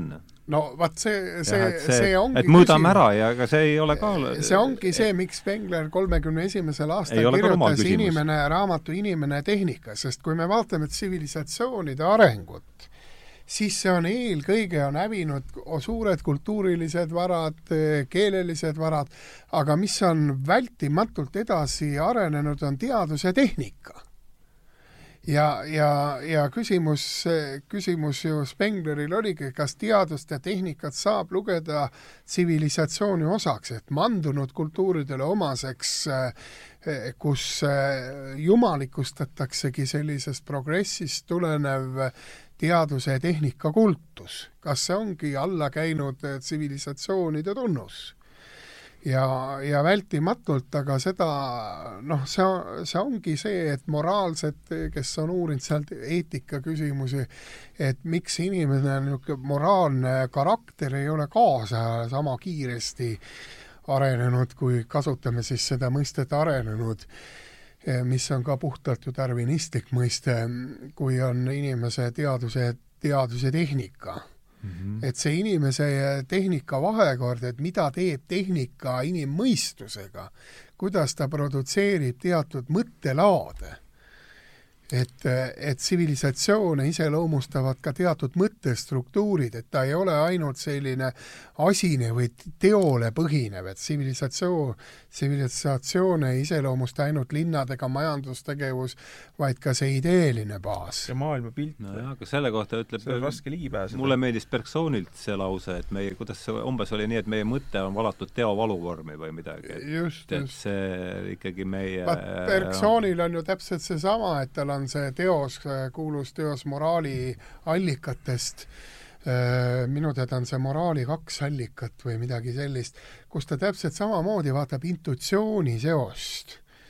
et ta intuitsiooni seost moraalse mõtlemisega, et miks see mora-, et Bergson oli ka ju moraalse, Prantsusmaal oli see niinimetatud moraalsete teaduste akadeemia, mille, mille professor ta oli ja, ja, ja, ja selles mõttes jah, et seesama näiteks on äh, Spengleri uurijad on ju ka küsinud, et miks Spengler on tegelenud väga vähe eetika küsimustega. et tsivilisatsiooni ei saa vaadata lahus eetikast, et äh, et kui me mõtleme kas või Kanti ajaloo filosoofilistele vaadetele, siis ajalooprotsessi juhib ka inimese moraalitunne, see eesmine moraalitunne on see, mis mõjutab samamoodi ajaloo kulgu, mitte aga, aga kui lugeda Spenglerit, siis me näeme, kui vähe ta tegelikult pühendab aega eetikaküsimustele. et see on niisugune, ta räägib seal araablastest ja noh, ma tean, et üks araabia ekspert ütles, et see et kui nad seda eestikeelset tõlget seal redigeerisid, et seal oli niivõrd palju vigu ja et see on niivõrd vigaselt kirjutatud araabia kultuuri kohta. fakti, faktid, jah? ma ei tea, kas seal faktid või lihtsalt sellised assotsiatsioonid ei tööta või? no, nojah, kui sa, kui me seda kohalikku, praegu, praegust asja vaatame, no siis on ju kõik, kui see, ütleme, grantikeskne või stipendiumikeskne, nimetame seda grantiks, see võtab võib-olla seda peenem. Äh, peenem jah, et kui seda grantikeskset teadust vaadata, et noh, siis on nad ju ka seal kõik äh, joonealuste märkuste, joonealuste märkuste juures. ja, ja noh, selle taustal muidugi igasugune suur niisugune ta on paratamatu. laiaulatus la,, laiaulatuslik panoraam on ju, saabki ainult äh, no. vigadest kubiseda jah, et ma näiteks mõt-, loen praegult seda Petersoni äsja eesti keelde eestindatud raamatut, tõlge ei ole küll väga nauditav, aga kui mõelda, et ta on selle Tähenduste teejuhi, selle oma põhiteose loonud, et väga vähe on teadlasi, kes ikkagi jõuavad monograafiani mm. -hmm. ja, ja, ja neid saab alati süüdistada ebateaduslikkuses. Öelda, et noh, et eh, miks te ei, miks te ei püsi ühe probleemi juures. et tal on ka see eh, tähenduste, on nagu suur kaart, millega mõtestada seda, kuhu on inimene heidetud, seesama inimese heidetuse, eksistentsiaalse heidetuse probleem Mm -hmm. et kas me saame seda inimlike teadmistega mõtestada või peame võtma hoopis mingi teise mõõtme, sellesama metafüüsilise mõõtme, nagu Jung võttis needsamad visioonid, kujutlused, et neid ei saa eristada, rangelt lahutada ainult üksi selle tõttu, et nad ei ole mõõdetavad. Mm -hmm. jah, ja vot siin on see, nagu William James tõi väga huvitava mõõtme välja, et eks ju, inimeses on iha teada saada, aga hir-, hirm eksida, eks ju, need on mingis mõttes töötavad üksteisele vastu ja, ja teaduse pool on praegu nii-öelda hirmu eksida ja, ja väga, väga põhja kes keeranud. see, kes see William James. William James, aga see on hea mõte. ja kusjuures siin mul tuleb meelde jälle üks, üks küüniline märkus Ilmar Venest, kui ta rääkis ilmalikustumisest, ütles, et jah, tõepoolest, kuidas selle ilmalikustumisega Venemaal on, et me teame küll sotsioloogilisi fakte selle kohta, kui palju on kirikus äh, inimesi arvel, eks ju. aga siis ta ütleb, aga, aga meid ei huvita praegu sotsioloogilised faktid, vaid see, kuidas asjad tegelikult on. Mhm. ja noh, Spengler, Spenglerit huvitas ka mingis mõttes, kuidas asjad tegelikult on. eks me, me ei saa neid fenomenoloogili-, me ei saa empiiriliste faktidega fenomenoloogilistele universumistele ligi. ja, ja. kusjuures üks, see on üks asi, mida, mida Foucault on öelnud, eks et me ei pääse elutunnetele ligi eelnevate ajastustele, eks ju, sellepärast ongi katkestused. sellega võib leppida, noh, aga osad inimesed ei lepi me ei pääse sellega, ligi jah, sama, jah, me pääseme punkti. sama vähe ligi, kui mina pääsen sinu teadvusele jah ligi., eks ju, aga ja siin ei olegi pääsen ainult muud nii palju ligi, kui sina mulle sellest räägid ja täpselt nii palju, kui me sealt äh, teiste Jah. kultuuride kohta, nii palju, kui me nende kohta loeme, eks. ja siis on noh, see, et äh, analoogia printsiibid, empaatiad ja niisugused ebakindlamad ja põhimõtteliselt ebateaduslikud, eks ju, mis ei saa teaduslikule garantiid anda, aga noh, mingi, mingi noh, mingi ettekujutuse me saame. see oli selles Tarnase sissejuhatuses kohe kolmas lause, mis mind kohe haaras, et ahaa, see on minu seesama The Passion of the Western Mind ja kolmas, et see raamat nõuab lugejalt kaasatundlikumaid ja metafüüsilist kujutlusvõimet või et No soovi, siirast soovi asetada endast teisel ajal elanud äh, meeste ja naiste Jah. sellesse olukorda, et see on see see on No see võti, mida sa ühegi eks see Spengleri, äh, eks numbri see Spengleri õhtumaa allakäik ka on ajaloo eh, väga pildiline raamat, et ta ju ehitab erinevaid pilte oma nendest samadest näidetest taimedest, lindudest, et just panna see inimese kujutlusvõime tööle, sest ka Goethe, kui te mõtlete Goethe pedagoogilistele töödele, siis kujutlus on intellekti kõige kõrgem omadus just. noh, et ei ole keel ega keeleline vahendatus või et selle kaudu me saame mingisuguseid aru, täpsemaid arusaami, et et noh, mõelda siin on, et et see on ikkagi see, kui me noh, see ju- ju- jungiaanlikus tunnetusteoorias, et see kujutlusvõime on see, millega me siis sealt noh, nojah, tundmatusest asju kobame tund-, välja. jah, need on need eh, kõige kaugemad tundlad, millega me üldse siis no, tõmbame midagi sealt tundmatusest sisse, mida me saame siis noh, no, hakata verbalisee-, järjest täpsemalt verbaliseerima ja kui me oleme verbaliseerinud, siis me saame ju alles hakata seda mõõtma ja Excelisse toppima, eks, kas ma ei tea jah, kõi-, ja see on, on ometigi nagu mingis mõttes kõige, kõige vähe väik-, no kas vähem või vä-, noh jah, mingis mõttes kõige, kõige vaesus, vaesestatum osa paratamatult. ma ei saa ju enne minna selle, mis ta, nihik oli see või see nihkaliiber nihka näiteks., et ma ei saa ju mind selle, enne kui ma ei ole suutnud sõnastada, mida ma mõõtma hakkan, on ju see nihik täiesti sul peab olema ettekujutus ninast. just nimelt. nina ei tee. et ikkagi enne on, enne on, alguses on ikkagi sõna, mitte number jah. Aga kusjuures üks, üks märkus, mille ma minu arust ol, oleks oluline võib rõhutada Spengleri puhul, et kui räägitakse õhtumaa allakäigust, eks ju, siis enamasti see läheb noh, et see, see on käibefraas ka, et see käib kaasas mingi alarmismiga. eks ju, et oi-oi-oi, meil on õhkude allakäik, ruttu vaja midagi ette võtta, et Spengler ei olnud alarmist mingis mõttes.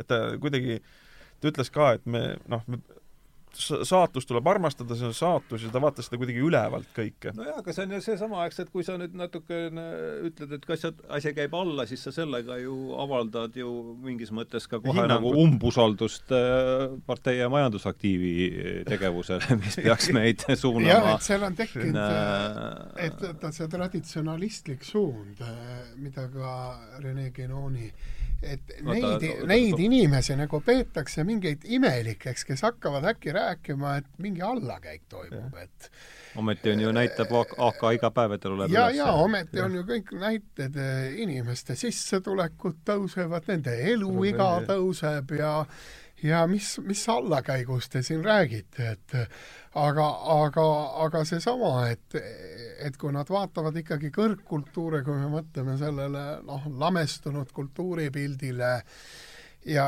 ja kas või vaatleme neid noh, kas meil on midagi võrreldavat panna, noh muidugi kohe öeldakse ka kultuuriteoorias, nii ei saa asju võrrelda ja et kui me mõtleme, ikka tõsiselt suuri autoreid, kas või Toomas Manni, et keda me tänapäeval tema kõrvale paneme? Et, et või Dostojevski või, et kas me saame siis nagu öelda, et suurte tekstide et see, et kui ütleme, selle ajastu inimene vaatab seda tänapäeva, mis on niisugune väikeste kabinetitekstide produtseerimise aeg vaata, sellega on ju Schopenhauer no see on proosa, see on väikeste kabinetitekstide produtseerimise aeg on täpselt seesama proosa ajast, proosa ajast. ja, ja kui, kuidas me saame selle ajastu inimesele või Spenglerile, kes on kasvanud ja kasvatatud tolleaegse haridusvaimus, kus hariduse aluseks olid klassikalised tekstid. Suured. Suured tekstid, suured nimed, pisisirgeldajad, kabinettides tolgendajad ei pääsenud üldse pildile, noh. Ja, ja, ja nüüd on need pisiartiklite vorpijad on loonud niisuguse suure teadusliku diskursuse nagu tõe väärtus ongi nendes üks-üks artiklites, noh. Jah, sealt tuleb see, sealt tuleb see ikkagi minu meelest selle suundumise võtab väga kenasti ja väga poeetiliselt kokku seesama Rohke Debelaki libauudis, mida ma olen siin korduvalt tsiteerinud, et Ameerika Ühendriikide teadlased tegid kindlaks, et kui panna inimene tuukriülikonnas õunapoole istuma, siis hakkab tal poole tunni pärast igav. NASA grantnumber, tont teab mis. ja, ja, et noh, noh, see aa, veel psühholoogiline vaade, Dostojevskit hindas ta väga kõrgelt ta isegi, isegi nii kõrgelt, et ta õppis ära vene keele. sellest sa oled jah rääkinud, et et Dostojevskit originaalis lugeda. jah, jah. jah sest no ei, ma tean, et Freud õppis vene keelt just selle tõttu, et Karamazovitele lähemale pääseda, et isa ja poegade konflikti oma hilisemates teostes, kus ta uurib seda kollektiivse mälu probleemi, unustamise probleemi ja identiteedi vahekorda vaat spe-, või tähendab, Dostojevskil ah,, Dosto-, Dostojevskil on ju ka see liin, eks ju, kus nii mõnigi tegelane, Veršilov ja ka kas Ivan Karamazov, kes ütleb, et eks ju, ta sõidab Euroopasse Veršilov suur..., oota, kas Veršilov ei ole meil nüüd noorukis? aa, oli ta Veršilov toos? oota, kas ma olen sassinud midagi? Veršilov tuleb, ma miskipärast, kas see ei olnud see, kas see Tšehhovi kolme õe, see ei olnud Veršilov meil? Ei, ei, ei, Versiini. aa, Versiini, vabandust, sassi, ja, ja, ja, ja, seal, et noh, ta sõidab Euroopasse kui surnuaiale, kallile surnuaiale, jah, eks ju, et Euroopa on juba suremas, eks ju, nüüd mis, mis saab, mis saab Venemaast, eks ju, seal on nagu uus kultuur tõusmas. ja no ta, ta, ta, Danilevskil on see Venemaa ja Euroopa, mis just, just, mõjutas on meile tõlgitud, eks ole? jaa, hiljuti. või mitte liiga ammu, jah, just, just, just. lugesid ka seda? no see on ka sama narratiivi kuuluv äh, kui Spengler ja jah, jah, niisugused suured aga asjad. aga Dostojevski ja Spengleri vahel on äh, väga suured ajaloo niisugused ideed, väga sarnased. aga see katkestus on ikkagi siis selgelt teise maailma maailmasõja kandis kuskil või? ütleme selle, see, no kui me nüüd oleme jõudnud väikeste kabinettide treimise aega, et siis see ikkagi see kõrghariduse, kõrghariduse, see ju haakub kõik kõrghariduse no, sisu, sisu muutumise no, kõigega. kui mina olen kooli ajalugu ja haridusajalooga just sellise vaimuteadusliku tekstidega tegelenud, mulle on tundunud, et see probleem sai alguse siis, kui kadus ära Euroopas klassikalised gümnaasiumid. ja, ja Nõukogude Liidus väga... ju kaotati koheselt ära, väga üksikud jäid, aga kui te mõtlete, et tsaariaegset kooli ei olnud võimalik gümnaasiumi lõpetada, kui sa ei olnud omand teinud klassikalist, sa ei saanud ülikooligi astuda, kui sul ei olnud tehtud mm -hmm. kreeka ja ladina keele eksamid. ja seda taoti jah, see, need õpimeetodid, aga see oli see diferents, millega eristati sellist äh, kõige madalama haridustasemega inimesi, just see klassikaline gümnaasium. ja põhjendus oli ilmselt see, et see oli elitaarne, et meil on no ta oligi elitaarne, et kui, kui Väheste, näiteks lugeda Voltaire'i hariduslikke töid, et siis sealt ka tuleb, et ikkagi maarahvale tuleb anda selline haridus, kus nad saavad natuke lugemise ja kirjaoskust, aga seda tõelist haridust, seda ikka saab ainult vähestele anda. ja, ja, ja sellesama, noh, see oli Inglise kooli põhimõte, see noh, et seesama koolisüsteem taastoodab äh, sotsiaalseid seisusi, see on vana tuntud, ma ei tea, kas me oleme selles saates üldse sellisele Prantsuse suurkujule tähelepanu pööranud nagu Pierre Bourdieu'le, kes kirjutas sellise paksu raamatu ole, nagu ei... Riigi aadel, mm. millega ta just näitab neid hariduse transformatsiooni mehhanisme, mille kaudu taastoodetakse nii ühiskondlikku teadvust, klassiteadvust kui ka sotsiaalseid rühmi ja, ja tollel ajal oligi see, milleks ka naised ei pääsenud ülikooli omal ajal seal oligi see, need klassikalised keeled olid.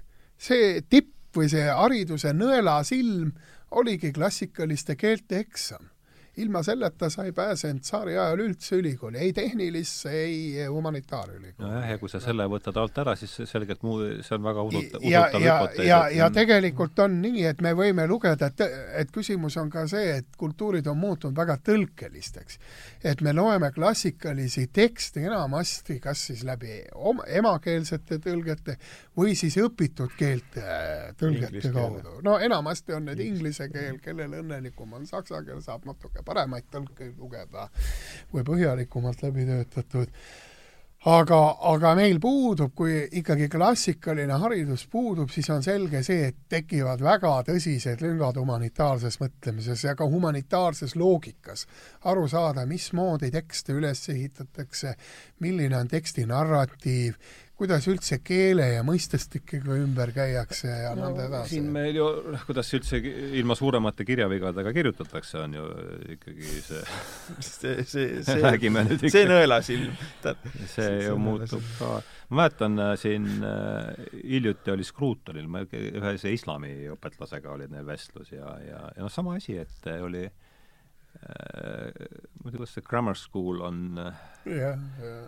inglisena grammar school'id, no ühesõnaga need on niisugused äh, pisut mitte nüüd see päris it-, ütleme see, mis siis, ma saan aru, et see taust on see, et sellele vaesemale, pisut vaesemale publikule üritati siis järele noh mm,, aimata seda, mis toimus siis nendes Eatonite, Eatoni ja nendes aha, ja, aha, ja et äh,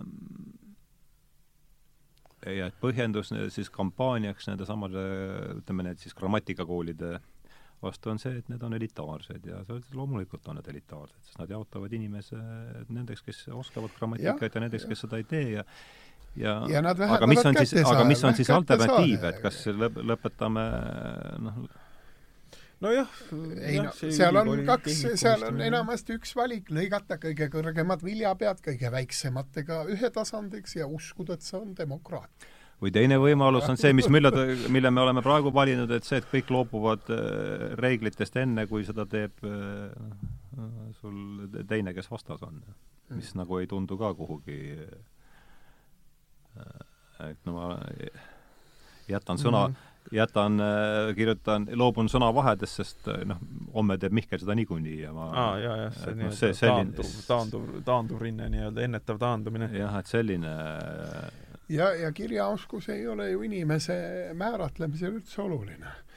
me teame, et äh, proletaarses sellises kultuuris see on ainult noh, ja seda ei saa ka, seda ei saa ka selgelt et noh, et inimene sünnib ju ilma kirjaoskuseta ja lugemisoskuseta, noh, ja me ei saa sellest teha ka las ja ta ma siis eksisteerib loomana edasi. kaugel sellest, et seda teha ainsaks inimese väärtuse otsustamise parameetriks, aga no kui me räägime haridusest, siis me ilmselt ikkagi peame kirjaoskusest rääkima. jaa, muidugi siin, siin ma nüüd hüp- hüppaks korraks po- positiivsema poole peale Spengleri, Spengleri juures selles mõttes, et et kui ma ütlesin, Spengler nagu ajalooprotsessis peab mõistust millekski väga tühiseks, siis, siiski ta ütleb ühes kohas, eks ju, et see, see, mis teeb inimesest inimese, on just nimelt see, mil määral tema virge olek on sõltumatu tajumisest. ehk sel, sel, sel määral, no niimoodi ta defineeris mõtlemist, eks ju, et sel määral, mil, mil, mil määral ta on äh, mõtlemisvõimeline. Ja kusjuures see, see, see määratlus on veel selles mõttes tore, et see, mida me ei taju, aga mis teeb meid virgeks, on mälu. eks kui, kui meie mälu on väga suur, mälu, mäletame väga palju tekste, viiteid, seda, siis me olemegi nii-öelda maksimaalselt inimene. mm. -hmm. sest äh, looma virgeolek on seotud väga tugevalt tema tajuga, eks ju, mida ta näeb, ta on selles keskkonnas, orienteerub, seal toimetab. noh, mis oli siis jälle omakorda vastandlik on taimena aga, aga tema fatalism oli ka muide see, mille pärast ta hitlerlik Saksamaad üle parda viskas ja Goebbels ta nii-öelda mainimiskeelu alla pani lausa.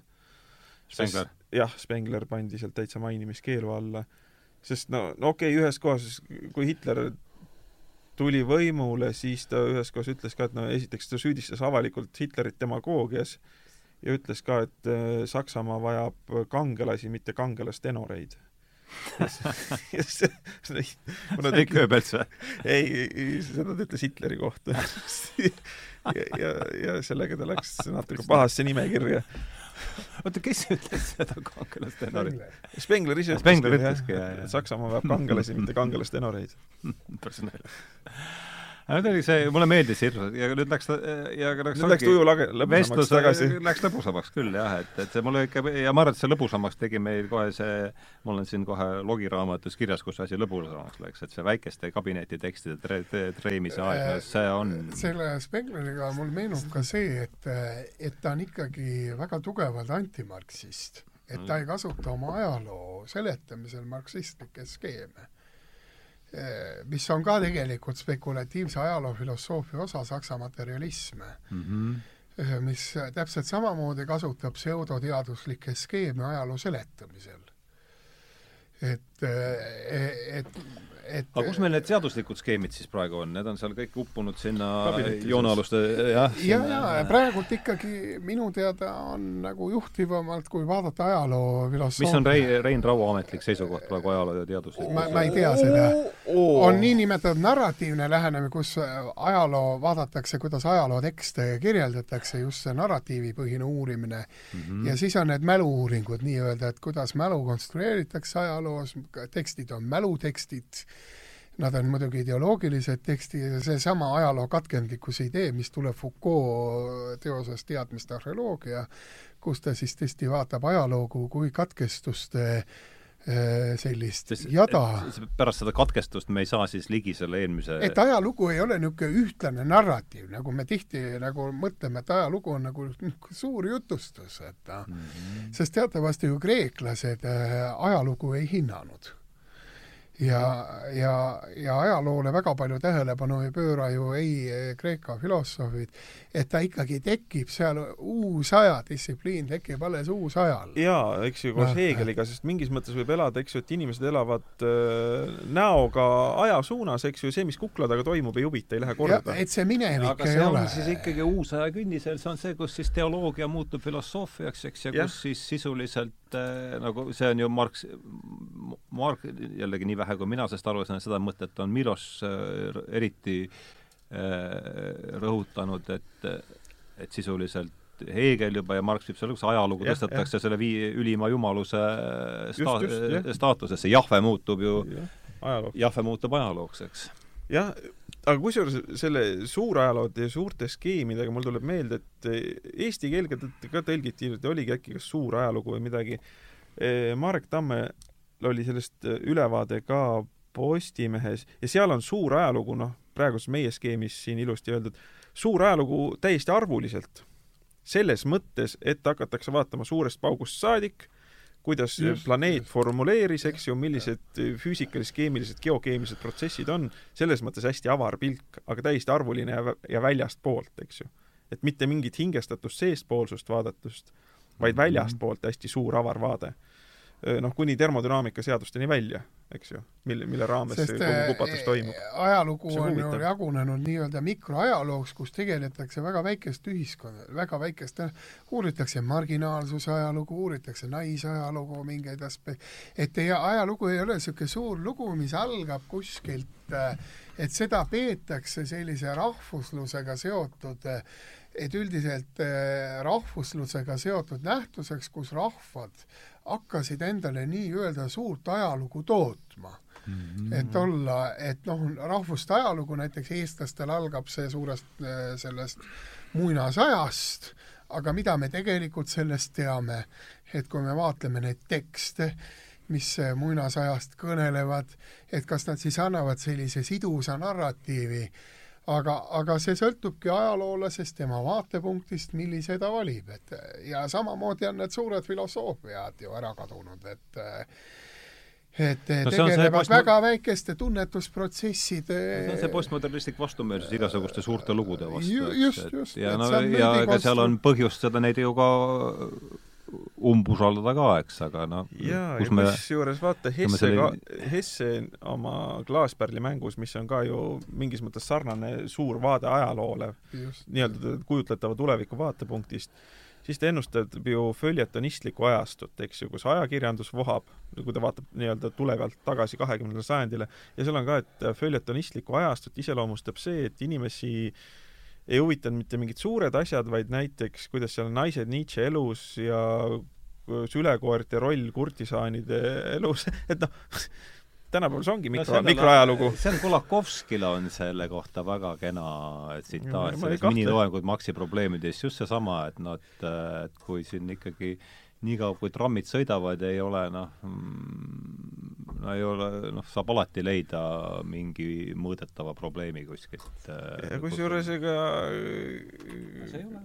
kes, keda ei huvitaks, ma, mind küll isegi huvitaks juba sülekoerte roll kurdisaanide elus. et no, näe, mis, mis saab mikroajaloost olla? mõõdet, siin on olemas, vaatasin eesti keele seletavas, et nihik on nooniusega mõõdik esemete välis- või sisepindade vahelise kauguse, kõrguse või avade, nii et noh, niikaua kui trammid sõidavad, on alati mingi probleem, millele saab nihikuga, nihikuga läheneda ja kui saab nihikuga läheneda, siis ta on teadus ja siis ta on finantseeritav ja, ja noh, siis äh, on mõtet sellega tegeleda. ma võiks öelda ka erialase terminina nihik, millega mõõdetakse, nihik, mis on niisugune meetri suurusjärku, see on klupe. klupe. klupe? jah üks kirja, oskus, oskusteadmine juures. Mihkel ütles järelikult on, nii ongi, klupe. nii, aga ma loen vahetuseks, äh, jah, kuidagi läks elavamaks siin see, kui me mm -hmm. mulle meeldib see, see lause siit ka, et noh, kuivõrd juba Spengler on siin ja, ja, ja, ja Saksa Spengler on Neocortexis, ma juhin tähelepanu. seda sa teed sinna sarja ka, jah? Äh, ma tahaksid kindlasti kusagile äh, tõlkida ära või lasta tõlkida, ma ise seda ei jõua praegu teha küll, et kaks, äh, kindlalt kaks esseed on Goethe ja idee teadustõest, suurepärane, suurepärane essee Goethe ja um, tragöödia ärahoidmise soov ja siis on siin veel need Goethe, Goethes tehtud esseed tahaks kindlasti lasta ära tõlkida, aga siin ta kirjutab Kafkast, on tal siis äh, Franz Kafka maailm ja siin on siis niisugust lauset võib lugeda, et Kafkas näeme seetõttu siis moodsat modern mind. kuidas tõlgid, kuidas tõlgiksid modern mind selles kontekstis? moodne teadvus. moodne teadvus, jah, jah, moodne teadvus. kaasaegne. kaasaegne ja nüüdisaegne teadvus, jah mm,. Ähm, justkui see eh, seemingly self-sufficient noh, õpetatud kolleegid, mul ei tule praegu head. justkui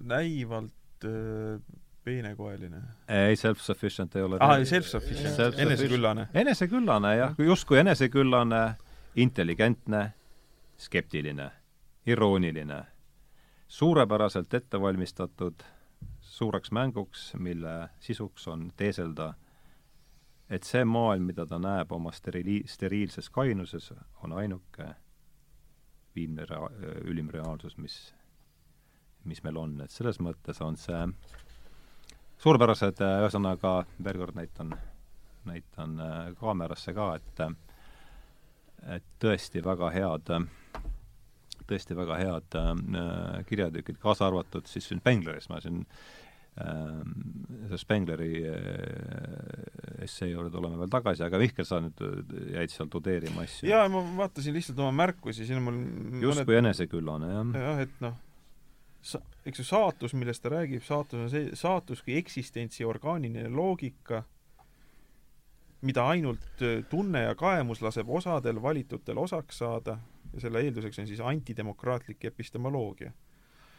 Eks ju, et seda tuleb tähelepanu, see on antidemokraatlik epistemoloogia, aga samas, mis on kõige demokraatlikum, mida ma olen ise ka öelnud, eks ju, kõige kommunikeeritavam, kõige üheselt mõistetavam asi pole mitte mingi termin, vaid sõna, vaid loend. loend. loend, arvuline loeng, nurm, number, eks ju. see on kõige üheselt mõõdetav. ja see, mida mõõtmine teeb, ongi ju, ta annab mõõduloendi et selles, selles, see läheb liiga keeruliseks, ma vaatasin kirjutatud ei, nina. ei, ei, ei, ei, ei, ma, eks ma üritan, aga ne, ja samas ja arvud tõepoolest äh, on kõige kommunikeeritavamad asjad. ja nad on ka kõige väärtus äh,, väärtusvabamad. jah ja,, et äh, noh, kuni nad ühel hetkel hakkavad siis üht või, lõpuks nad rakendatakse ikkagi ühe või teise ürituse Sest no, teenistusse, eks. me võime ju öelda ka, et eks ük, üks asi on nii-öelda naturaalmajandus kus sa üritad pingutada, mõelda, et eks ju, mitu kotti nisu sa peaksid saama kahe suitsusingi eest. aga teine asi on, raha teeb selle kõik nii üheselt mõistetavaks teatud mõttes, vahetusväärtused, eks ju. see, et see noh, arvu, arvu, arvulisusest tulev üli, ülim konverteeritavus mingis mõttes mm. -hmm. ja no eks ilmselt see niisugune äh, selge see, see käis ju meil siin täna vestluse alguses läbi, et äh, et ähm, et akadeemilises ajalooteaduses Spenglerist äh, tänapäeval kõrge, väga kõrgelt ta ei hinnata no, ja ilmselt üks põhipõhjus ongi seal seesama, see antidemokraatlik epistemoloogia ja jah, jah. ja mis viib otsapidi ju jällegi minu arvates seesama Scrutoni tähelepaneku juurde, et loomulikult koolid on et kogu see, see ju põhjus, miks inimesed kooli tulevad, on see, noh, ma ei tea, palju põhjuseid võib olla, midagi endast teada saada, midagi oma kultuurist teada saada, mis tähendab lõpuks ikkagi endast teada saamist, aga ikkagi see, et sa saad kuidagi noh, liigud ju vähemasti noh, kuidas keegi seda haljamat oksa endale ette kujutab, aga ega püüdlus ju äh, pingutada on ikkagi lootuses kuidagi jõuda mingi selle nojah, eks ju, kui Marjamaa, või tähendab, kuidapidi siis ikka Karjamaalt Marjamaale. jah, et see või no faustilikus, eks ju, faustilikus kultuuris oli teadmine väärtus iseenesest, mitte vahendina. kui ta muutub vahendiks, siis ta on juba tsivilisatsiooniks surnud mm, -hmm. eks kui noh, nagu ka praegu ülikooli asjadelt või räägitakse, et noh, üli, ülikool peab tootma majanduslikku, toetama majanduskasvu, eks ju no. see on nagu tsivilisatsiooni väide par excellence, noh ja ega see pole ka midagi, sest noh, jällegi nii mis vähe kasu on teoloogist no.? nii vähe, kui mina aru saan, on ju see, see, mille vastu läheb omal ajal ju Platon, et see sofistide, sofistide arusaam ja, ja. Äh, haridusest on just selline, et see peaks noh, olema. olema, olema kasulik ja ja muu ei olegi oluline, et äh, seetõttu mulle noh, see Tarnase nimi käis siit juba korra läbi, et äh, tegime siin nagu seltsilehele tast ka eraldi äh, eraldi sellise mm, listi ja nüüd tuleb uus video sinna, et et seal ta lõpetab selliste sõnadega, et äh, nagu kogu see, see, see, mis mulle seal väga võlus selles, selles äh, jupis, on see, et ikkagi meil see ja, ja, ja mulle tundub, et see on see ka, kuhu, mille ümber see meie tänane jutt siin paljuski on keerelnud ja ja andnud mulle selle raami, et see pinge on ikkagi kogu aeg ühelt poolt siis selle teoreetilise ranguse, rigor ütleb ta siis teoreetilise mm -hmm. ranguse ja, ja, ja kujutlusvõime vahel ja meie noh, ülesanne, nagu ta seal ka kenasti ütleb, on seda pinget siis pidevalt äh, üleval hoida. ja, ja nüüd on ta tund-, jah, alal hoida just nimelt. just alal hoida. ja, ja, ja noh, ma ei tea, mis teie arvate, aga et noh, minu arvates on ta selgelt äh, ta on ikka väga, väga selgelt ühele poole praegu kreenis sellesama ei no ei kahtle, kahtlemata jah. jah. et ja, ja ja, ja sealtpoolt ei ole, ma arvan, sellel pendlil enam kuhugi edasi lihtsalt Noh, liikuda no, ega no ta jääbki niisuguseks praegu ka elitaarse klubi asjaks, eks ju, nii-öelda vaimu panna täiega kuskil nurgas, hambad ristis, lihtsalt paneme vaimu. jah, jah. aga muidugi Spengleri puhul see on, see on nüüd tegelikult väga, väga suur teema, ega sellest ei jõua rääkida, ma jõuan sellele võib-olla ainult vii-, viidata, et üks, üks asi on öö, sõnaline mõtlemine, eks ju, sõnalis-kujutluslik mõtlemine, arvuline mõtlemine, aga ma paneksin triaadi veel ka muusika, eks ju. niisugune muusikaline kujutlus, see, kust tulevad Spengleri muusikalised metafoorid mm. -hmm. ja need, eks ju, muusikal on väga eriline, eriline roll loomulikult äh, Schopenhaueril, eks ju, see on puhta tahte väljendus, seal nagu mm -hmm. Noh, mingis mõttes see tahe ja kujutlus elab kõige vabamalt, kõige metsikumalt, kõige ürgsemalt. Dionysuslik niisugune aspekt. see on ka, eks ju, Nietzsche'l no,, eks ju, kus muusika vaimu kaudu saadakse tragöödia sünd. aga see algab välja. juba antiigist Aristotelesilt samamoodi, muusika on ülimalt oluline, sest muusika loob rütmitunde mm, -hmm. loob arusaama ühiskondlikust rütmist, individuaalsest rütmist et no luule on ju rütmiline nähtus. et sellest ei saa nagu üldse üle ega ümber, et äh, igasugune mõtlemine on ka muusik, muusikaline, kui ta on mõtlemine, et äh, ja seal kahtlemata kohe tuleb sisse harmoonia mõiste. et no see, et asa-, tekstide bürokratiseerumisel arvustumise käigus, eks ju, tegelikult see poeetilis-muusikaline mõõde kogu aeg väheneb peab vähenema, mida bürokraatlike tekstide muusikaline mõõde. no see jah. näed, kui poeetiline väljend. ma ei mäleta, kas te vaatasite seda Marju, äh, sina, Marju, vaatasid jah? ja see, kuidas ta seal ütleb, et ta loeb seda, seda praegust teadust, et kui tuim ja igav see on, et see, et vot see oli üks niisugune koht, mis mulle sealt jäi nagu nojah, tema oli ütleme, puhas bürokraatia. antiigi traditsiooniga nii tugevalt kursis, eks ju, temas elas see edasi. et see oli jah, väga, jah, just see, kuidas saab nii tuimalt kirjutada. ja, ja see, ta ka, ta, ta, ta oli ka, oli näha, et ta oli sellest siiralt si,, ise, ise siiras imestas, et kuidas nii tuimalt saab. jah, et ja siis saab asju ajada. et kuidas ta ütles ka pärast äh, lõunasöögi konjakit, seal oli mingi mitu rida. jah, loeti ette jah. jah, et mingi, mingid N, N-rida pead mingit stiili, stiilitunnet endas elava hoida. just, just. see, nojah, see on ikka see sõna hingeline komponent, hingelis-poeetiline. no see muusika peab ikkagi sees olema asjas, ega siis muidu ju muidu ju, mis sa siis muidu seal jaurad? jah, Spengleril on üks väga ilus lõik, kus ta ütleb ka, et eks ju, et muusika on üks väheseid asju, mis suudab meid äh, teraskõvaks, teraskõvast valgusmaailmast välja murda ja see valgusmaailm on hakanud meile tähistama juba maailma üleüldse kui niisugust. eks ju, valgusmaailm, see tähendab see, mida me näeme, kujutleme, eks ju, on, on objektid mm. -hmm. objektid, asjad, et see muusikas, et see on valgusmaailma vä-, väljapääs valgusmaailmast mingis mõttes. aa, valgusmaailm on siis see, kus sa saad selle nihikuga ringi joosta ja, ja põhimõtteliselt ja, kõik ja no see, mida me näeme, eks ju, see valgustuslik metafoor ja, on ju kõik ja, nii, nii olemas ja see viib mu selle, ma noh, nüüd on, ega siin ongi kümmekond minutit meil veel jäänud, ma, see, see lõik, mis mulle sellest raamatust kõige rohkem meeldib, see on just sellesama tuleb Hardo lemmiklõik. jaa, tuleb Hardo lemmiklõik, sul on õigus. Äh, see on selle, ja see võtab minu meelest nii palju asju kokku, ma juba nüüd jälle nagu kruvin, kruvin äh, pinevus üles, et siis efektselt pikali kukkuda oma pinevuse otsa. Aga see on just sellesama Spengleri, Spengleri essee lõpus ja see võtab ja, ja, ja järsku me siis sellega, selle arutamisega tõmbamegi selle tänasele vestluse jutu alla, joone alla, see siis on Oskar Spe-, Oswald Spengler ja ajaloolise kujutlusvõime viletsus, predicament of the historical imagination või siis ja seal ta siis päris lõpus viib juttu ühele, ma saan aru, et Spengler oli ka siis Baierimaalt pärit, jah? jah ja viitas siis jutu ühele äh, Bayeri või Müncheni siis ähm, komöödianäitlejale, Karl Valentinile, ma vaatasin jälle, et ta oli üks niisugune päris huvit-, päris, äh, mina polnud seda nime varem kuulnud, aga tundub, et ta oli niisugune oluline Weimari vabariigi kultuuriheeros. Äh, avaldas siis seal kabareekunstnik ja, ja, ja, ja ikkagi mingi ajastu, ajastu sümbol ja just, et tema üks number algas niimoodi, et äh, siis äh, kardin läheb eest ära ja Valentin otsib siis keset, keset lava on ainult siis laternapost ja sealt paistab valgus. Ja, ja, ja Valentin siis kõnnib selle ümber ja otsib midagi.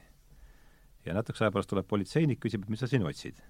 otsin võtit. siis hakkavad mõlemad otsima siis ei leia ja siis politseinik küsib, oled sa kindel, et sa ta siia kaotasid? ei ole, et ma kaotasin ta sinna. oota, aga miks sa siis sealt ei otsi, aga seal pole valgust see on levinud kujund, jah see, see on jah, et, et, et noh, see minu meelest võtab päris palju äh, et see noh, see, see sõõr, kus me saa-, sellesama nihikuga saame ringi joosta, noh. Et sealt on ilmselt on, no just, et see on selle, ju selle, et aga et noh, aga mis siis teha? me peame ju lõpuks on, lõpetama asja niimoodi elujaatavalt ja rääkima. Aa, jah, üks, üks asi veel see, et ütle, mida, mida ütleb, et, et praeguse ajaloo või selle rankeliku ajaloo asja viga või nende viga on see, et nad vaatavad ajalugu mehhanitsistlikult, tähendab läbi kausaalsusseoste. aga elu on, elu on teispool põhjuslikkust, elu ei ole mehaaniline. ja noh, ajalugu niivõrd, kuivõrd on ta ka elu, siis jah, üks klipp, üks klipp, mis meil seal koduleheküljel on ja mille üle, noh, eks võib-olla ma sinna valinud olen, eks ma siis ja osake, et seesama, mida ütleb Holmes, see Otto Holmes, kellest meil on ka see, et Aristotelesest vaate, või tähendab, jah, Aristotelese vaatevinklist on Newtonlik teadus ainult pool teadust. seesama, et on toimiv põhjus, materiaalne põhjus, aga jääb kõrvale siis vormiv põhjus ja ja, ja see lõpp või, või, või eesmärk-põhjus, et et ma tahaks tagasi tulla, tulla selle, ikkagi selle Acqui-, mina ajan ta küll Toomaseks Toomase tsitaadi juurde, siis see Toomas, kes elas Aquinas, et kõige udusam arusaam teispoolsusest on parem kui kõige täpsem arusaam siinpoolsusest, et kõlab huvitava, kõlab huvitava mõttena, aga kuidas seda meie sellisel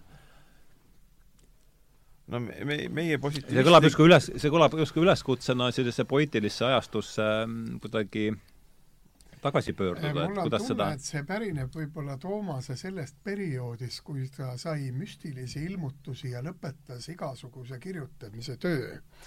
et sellepärast ma küsisingi, mis tekstis see mm -hmm. tsitaat võiks olla lõpus päri... oli see, jah, jah. ja, ja, ja siis ta jättis ju ka oma selle summa pooleli aga, aga mulle tundub, et see taust võib olla või see mõtestik võib midagi sinna kanti olla et, et see selline ajaline kirjutamine, ajaline teadmine pole ikkagi võrreldav mitte mingil juhul selle teispoolse. no praegune arhiivieetika on täpselt vastupidine, eks ju.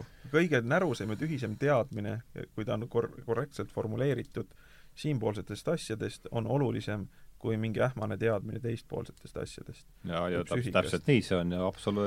no see on jah, ainult tea-, ütleme selles teaduslikus diskursuses, et väljapool seda me näeme, mis toimub, esoteerika massiline vohamine ja ja, ja, ja, ja, ja noh, et kui sa teed kor-, korralikult formuleeritud metoodilist teadust äh, äh, nii-öelda selles skafandris astronaudist seal mm. puu all, siis siis on see finantse-, siis on see finantseeritav. et ta jah, pigem orjab seda formaati, mida praegusel teaduslikus mõtlemises peetakse oluliseks ja viidete mitte seda tähendust, mida teadlane jaa, muidugi, muidugi siin ma taha, tahaks kuidagi igaks juhuks äh, tõsta nagu näpu, näpud üles, et et, et ka meie, meie praegused akadeemikud ja tead-, teadlased ise kannatavad seal kohutavalt eks ju, ega kellelegi ei meeldi see akadeemiline süsteem, see grandi, grandidebatt seal ja mis toimub ja see, see, et sa pead enamiku ajast, sa pead kirjutama oma granditaotlusi, mitte teadust tegema ja ega see kellelegi ei meeldi, kes seal on, selles mõttes. aga see on sellesama, selle väikeste kabineti tekstide treimise, sest noh, saatus. ühed istuvad äh, jah, ja kes on nende väike... lugeja, kes on nende lugeja? kes on nende lugeja, täpselt, sest see, seesama Marju, see, see, see, see on kes nii seda igavat igav teksti loeb, ja kus... nii tuimne ja kusjuures, kusjuures see kirjutab nagu Spenglerile alla, et, et, et, et see tundub nagu paratamatu protsess, et keegi ei suuda seda väärata, kuigi kõik asjaosalised kiruvad ja vannuvad seda. just, just, just, see on jah, selles on väga et nagu, nagu noh, nagu paratamatu, et tõesti nagu sa ei saa nagu progressi peatada. et võiks ju mõelda, et kes see teeb neid asju, need on kõik meie endi tehtud, need ei ole mm. looduslikud objektid ometigi. aga nagu väärata ei saa. tuletab meelde oma lahkunud sõbra Andres Vanapa luuletust, et las, las äh, koerad hauguvad, karavan ei, ei tea, kuhu läheb. jah, see on päris hästi Spengler, Spengleri äh, no muidugi Spengler ütles kõigi Spengleri tunnetuse päris hästi kokku. et ajal, ajalugu ongi see karavan ja igasugused no, äh, filosoofid on siin koerad, kes kõrval klähvivad no,. ma et seal on selline Spenglerlik äh, tunnetus on no, ju sees, väga, väga tugevalt sees. Ja, no, kas te... teine luuletus, mis on ka, et, et alati on hea sõita läbi Suure Jaanist, et tundub, niisugune tunne, nagu poleks suurt Prantsuse revolutsiooni olnudki väärt luuletused. Jäävad vaata meelde isegi minu arust. et on jah. Ja no nii. lõpu üleskutse. tõmbame siis nüüd äh, kuidagi joone alla sellele äh, jorule, mis oli siin kohati, oli täitsa lõbus mul. et loodetavasti ka mõnel kuulajal. Äh, Tammsaare kogutud teostest lugeda, mis ja. ta ütleb Spengler õhtumaade allakäigu kohta, seal on pikk artikkel mm. -hmm. see on hea koht, kus alustada tõesti. jaa, teine asi on see Georg Hen-, Henrik von Wrighti Minerva öökull mis äh, kogumik äh, mis on ammu läbi müüdud ja mis tuleks, võiks saada uuesti kuidagi mingi saada ka uuesti trükitud, üheksakümmend kuus aastal tuli Vagabondist. siin on Dostojevskilt väga pikk essee Vagabondist, jah ja.? ahah, no see teeb asja Spengleril ja Toynbee'st, Progressi müüdist, Dante Odysseuse ja Fausti vahel, et siin on väga, väga asjalikud esseed ja niisugune ja seda pole kuskilt saada, et see võiks tõesti väga harva on saada mõnes kuskil üksikus antikvariaadis võib kogemata leiduda, aga üldiselt teda väga saada ei ole küll, jah. Joar, lõpetuseks, kuidas äh,, mida teha? no lugeda võib-olla veel positiivsemaid autoreid. Näiteks. Carl Gustav Jungi aga, aga jah, ma soovitan ka eesti selle täistõlkel, mis kirjastus Ilmamaal kaks tuhat kaksteist ilmus, et lugeda ka järelsõna. Ülo, Ülo Mattiuse järelsõna Aha. Spengleri tulemine Eestisse, et see annab ka väga hea ülevaate, mida on Spengleri kohta eestikeelses kirjavaras kirjutatud kes tahab akadeemilisemalt lugeda, võib siis lugeda inglise-saksakeelseid uusi ülevaateteoseid. aga lugemist vääriv autor ta on, olenemata sellest, et akadeemilises maailmas on üsna tõrjutud, on ta ikkagi jätkuvalt loetav autor ja ja raamat on ju läbi müüdud, vähemalt poes seda ei saa, see näitab, et Eesti lugejal tema vastu huvi on jätkuvalt olemas mm. -hmm Mihkel sahistab paberitega või see kindlasti on sul mingi siin on, siin on nii palju, et ma ei oska, ma ei oska siit midagi välja võtta. armastada võib ainult midagi niisugust, mille puhul usutakse selle kestvasse olemasolusse. armastus eeldab mõt-, mõtlemist, mis on iseloomulik maailmakorrale, millel on kindlust. selle pessimistliku noodiga võib no jaa, ja see, mis on olemas ja mis kestab, see ju su, niimoodi sunnib meid vaatama ju sinna vormide vormide maailma poole, kas mitte? või siis ideede maailma poole, kuidas ta seda parajasti tahaks ka. psühholoogilisi tähelepanekuid, teravmeelseid tähelepanekuid on Spengleril palju. ja seda, ja neid kõlbab, tasub selliste väikeste kabinetitekstide treimise ajastul vaimu virgena hoidmisele lugeda. on tegelikult ju suurepärane tsitaatide kogumik, see raamat. ja inspireerivaid miniesseesid. üks on selge, et ta ei ole igav. ja mulle õudse, väga-väga meeldis see, mida Hasso ütles siin esimeses saates, et kui ei, kui on huvitav, siis on järelikult ka vajalik. ja järelikult Spengler on siis meile, meile, meile, meie väikeste kabinetide, kabinetitekstide treimise ajastul meile vajalik. selle positiivse tõdemusega tõmbame tänasele vestlusele joone alla.